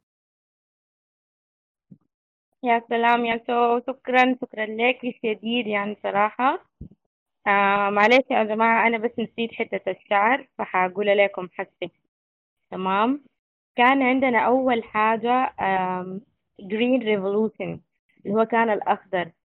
الأخضر ده يا جماعة أول لون كان عامل كليمنتاين لما لاقت جول. طيب؟ فهي كانت لحظة ريفولوشن جد في حياتها. بالنسبة لزول أكثر حاجة يعني آه لأنه حياته اتقلبت فوق تحت. زول كان حياته رتيبة وماشي برتم معين وبتاع فتبقى حياته لها معنى فن stuff. يعني الأخضر دائما بيرمز ل لأنه الحياة جميلة ومتعة وفيها أمل وولادة جديدة وتفاؤل وكده. تمام؟ فكان شعرها وقتها أخضر ولو لاحظت شوية كان جذوره صفراء. okay؟ فده ده ده كناية عن البدايات الأدبية كان حاجة عندنا ال- ال Red Menace أو ال Red Menace في أول علاقتهم. طيب؟ يعني لما لما نرجع ب... لما يكون بيرجع في الذكريات وبيمسح فيها بنشوف الحاجة دي لما تكون راقدة وبتسأله بتقول له أنت ما بتقول لك أي حاجة يا زول؟ ليه أنت ما بتقول لي أي حاجة في في الفترة دي؟ يعني كان في أوج العلاقة. طب يعني ده معناه آم، في حماس آه وبرضه نفس معناه حاجة خطيرة لأن علاقتهم بسرعة شديد واخ- واخدت مجرى جدي بسرعة يعني تمام؟ ثاني عندنا ال Agent Orange اللي هو اللون البرتقالي طيب شفناه لما كانوا في السوق وقالت إنها هي عايزة to have babies بجول كان قال لها لا. فبعد ذاك من الأحمر مشت للبرتقالي ده لحد ما بهت يعني شوفوا الأحمر بقى أحمر خفة خفة fading fading لحد يوصل البرتقالي معناتها العلاقة اللي كانت ملانة حماس ملانة قوة اتلاشت وبقت عبارة عن شك وشكل وفي distance بيناتهم وحتى الحميمية اختفت تمام؟ يعني زي اللي بقى ال connection بيناتهم بس كده. فبعدها هي دي اللحظة اللي قررت إنها تمسح جول من حياتها. وتاني آخر حاجة عندنا هو ال Blue Ruin تمام؟ شفناه آه، أول ما كليمنتاين لاقت جول من قريب. ال Blue Ruin ده كان كناية عن عن يعني الحزن طيب؟ وكان بيوصف التشتت العاطفي والعقلي ال- ال- ال- عن كليمنتاين لكن لو لاحظتوا إنه كان جذوره خضراء you know يعني لو لاحظتوا شوية كده بتلاقوا إنه الجذور خضراء. فمعناه إنها هي مستعدة. She is ready for a new thing. طيب؟ زي ما ذكروا هنا يعني الأحداث اللي هي كانت منهارة فيها دي معناتها هي she was missing someone. She, she don't know يعني الزول ده منو فيا جماعة شكرا لكم كتير على إنكم سمعتونا ويعني على إنكم استحملتوا المعد ده كله. Was so excited about this movie. um, بشكركم شديد على مداخلاتكم كلكم حارس وهاني وعلا الشو ويعني صراحة وزندبيل ما قادرة أوصف يعني كلامكم كان حلو قدرتنه وما ننسى فريق الإدارة فريق العمل شكرا محمد عماد. و my partner الصادق يعني ما شاء الله يعني الصادق. أنا بس ما قادرة أوصفه بكلمة غير إنه هو زول بيرفكت شديد وأنا I was so happy to work with him. فشكرا يا جماعة وحاجة كده للختام إنه يعني آه الناس تعيش ال- الحياة يعني day by day وما تحاول إنها to overthink it. لأنه في الآخر اللي حيحصل حيحصل الفيلمين دول بيورونا الحاجة دي. And you if أنت meant to be with someone you will be with them. حتى لو أنت مسحت ذاكرتك عنهم حتى لو رجعت في الزمن you will be with them. Okay um, شكرا.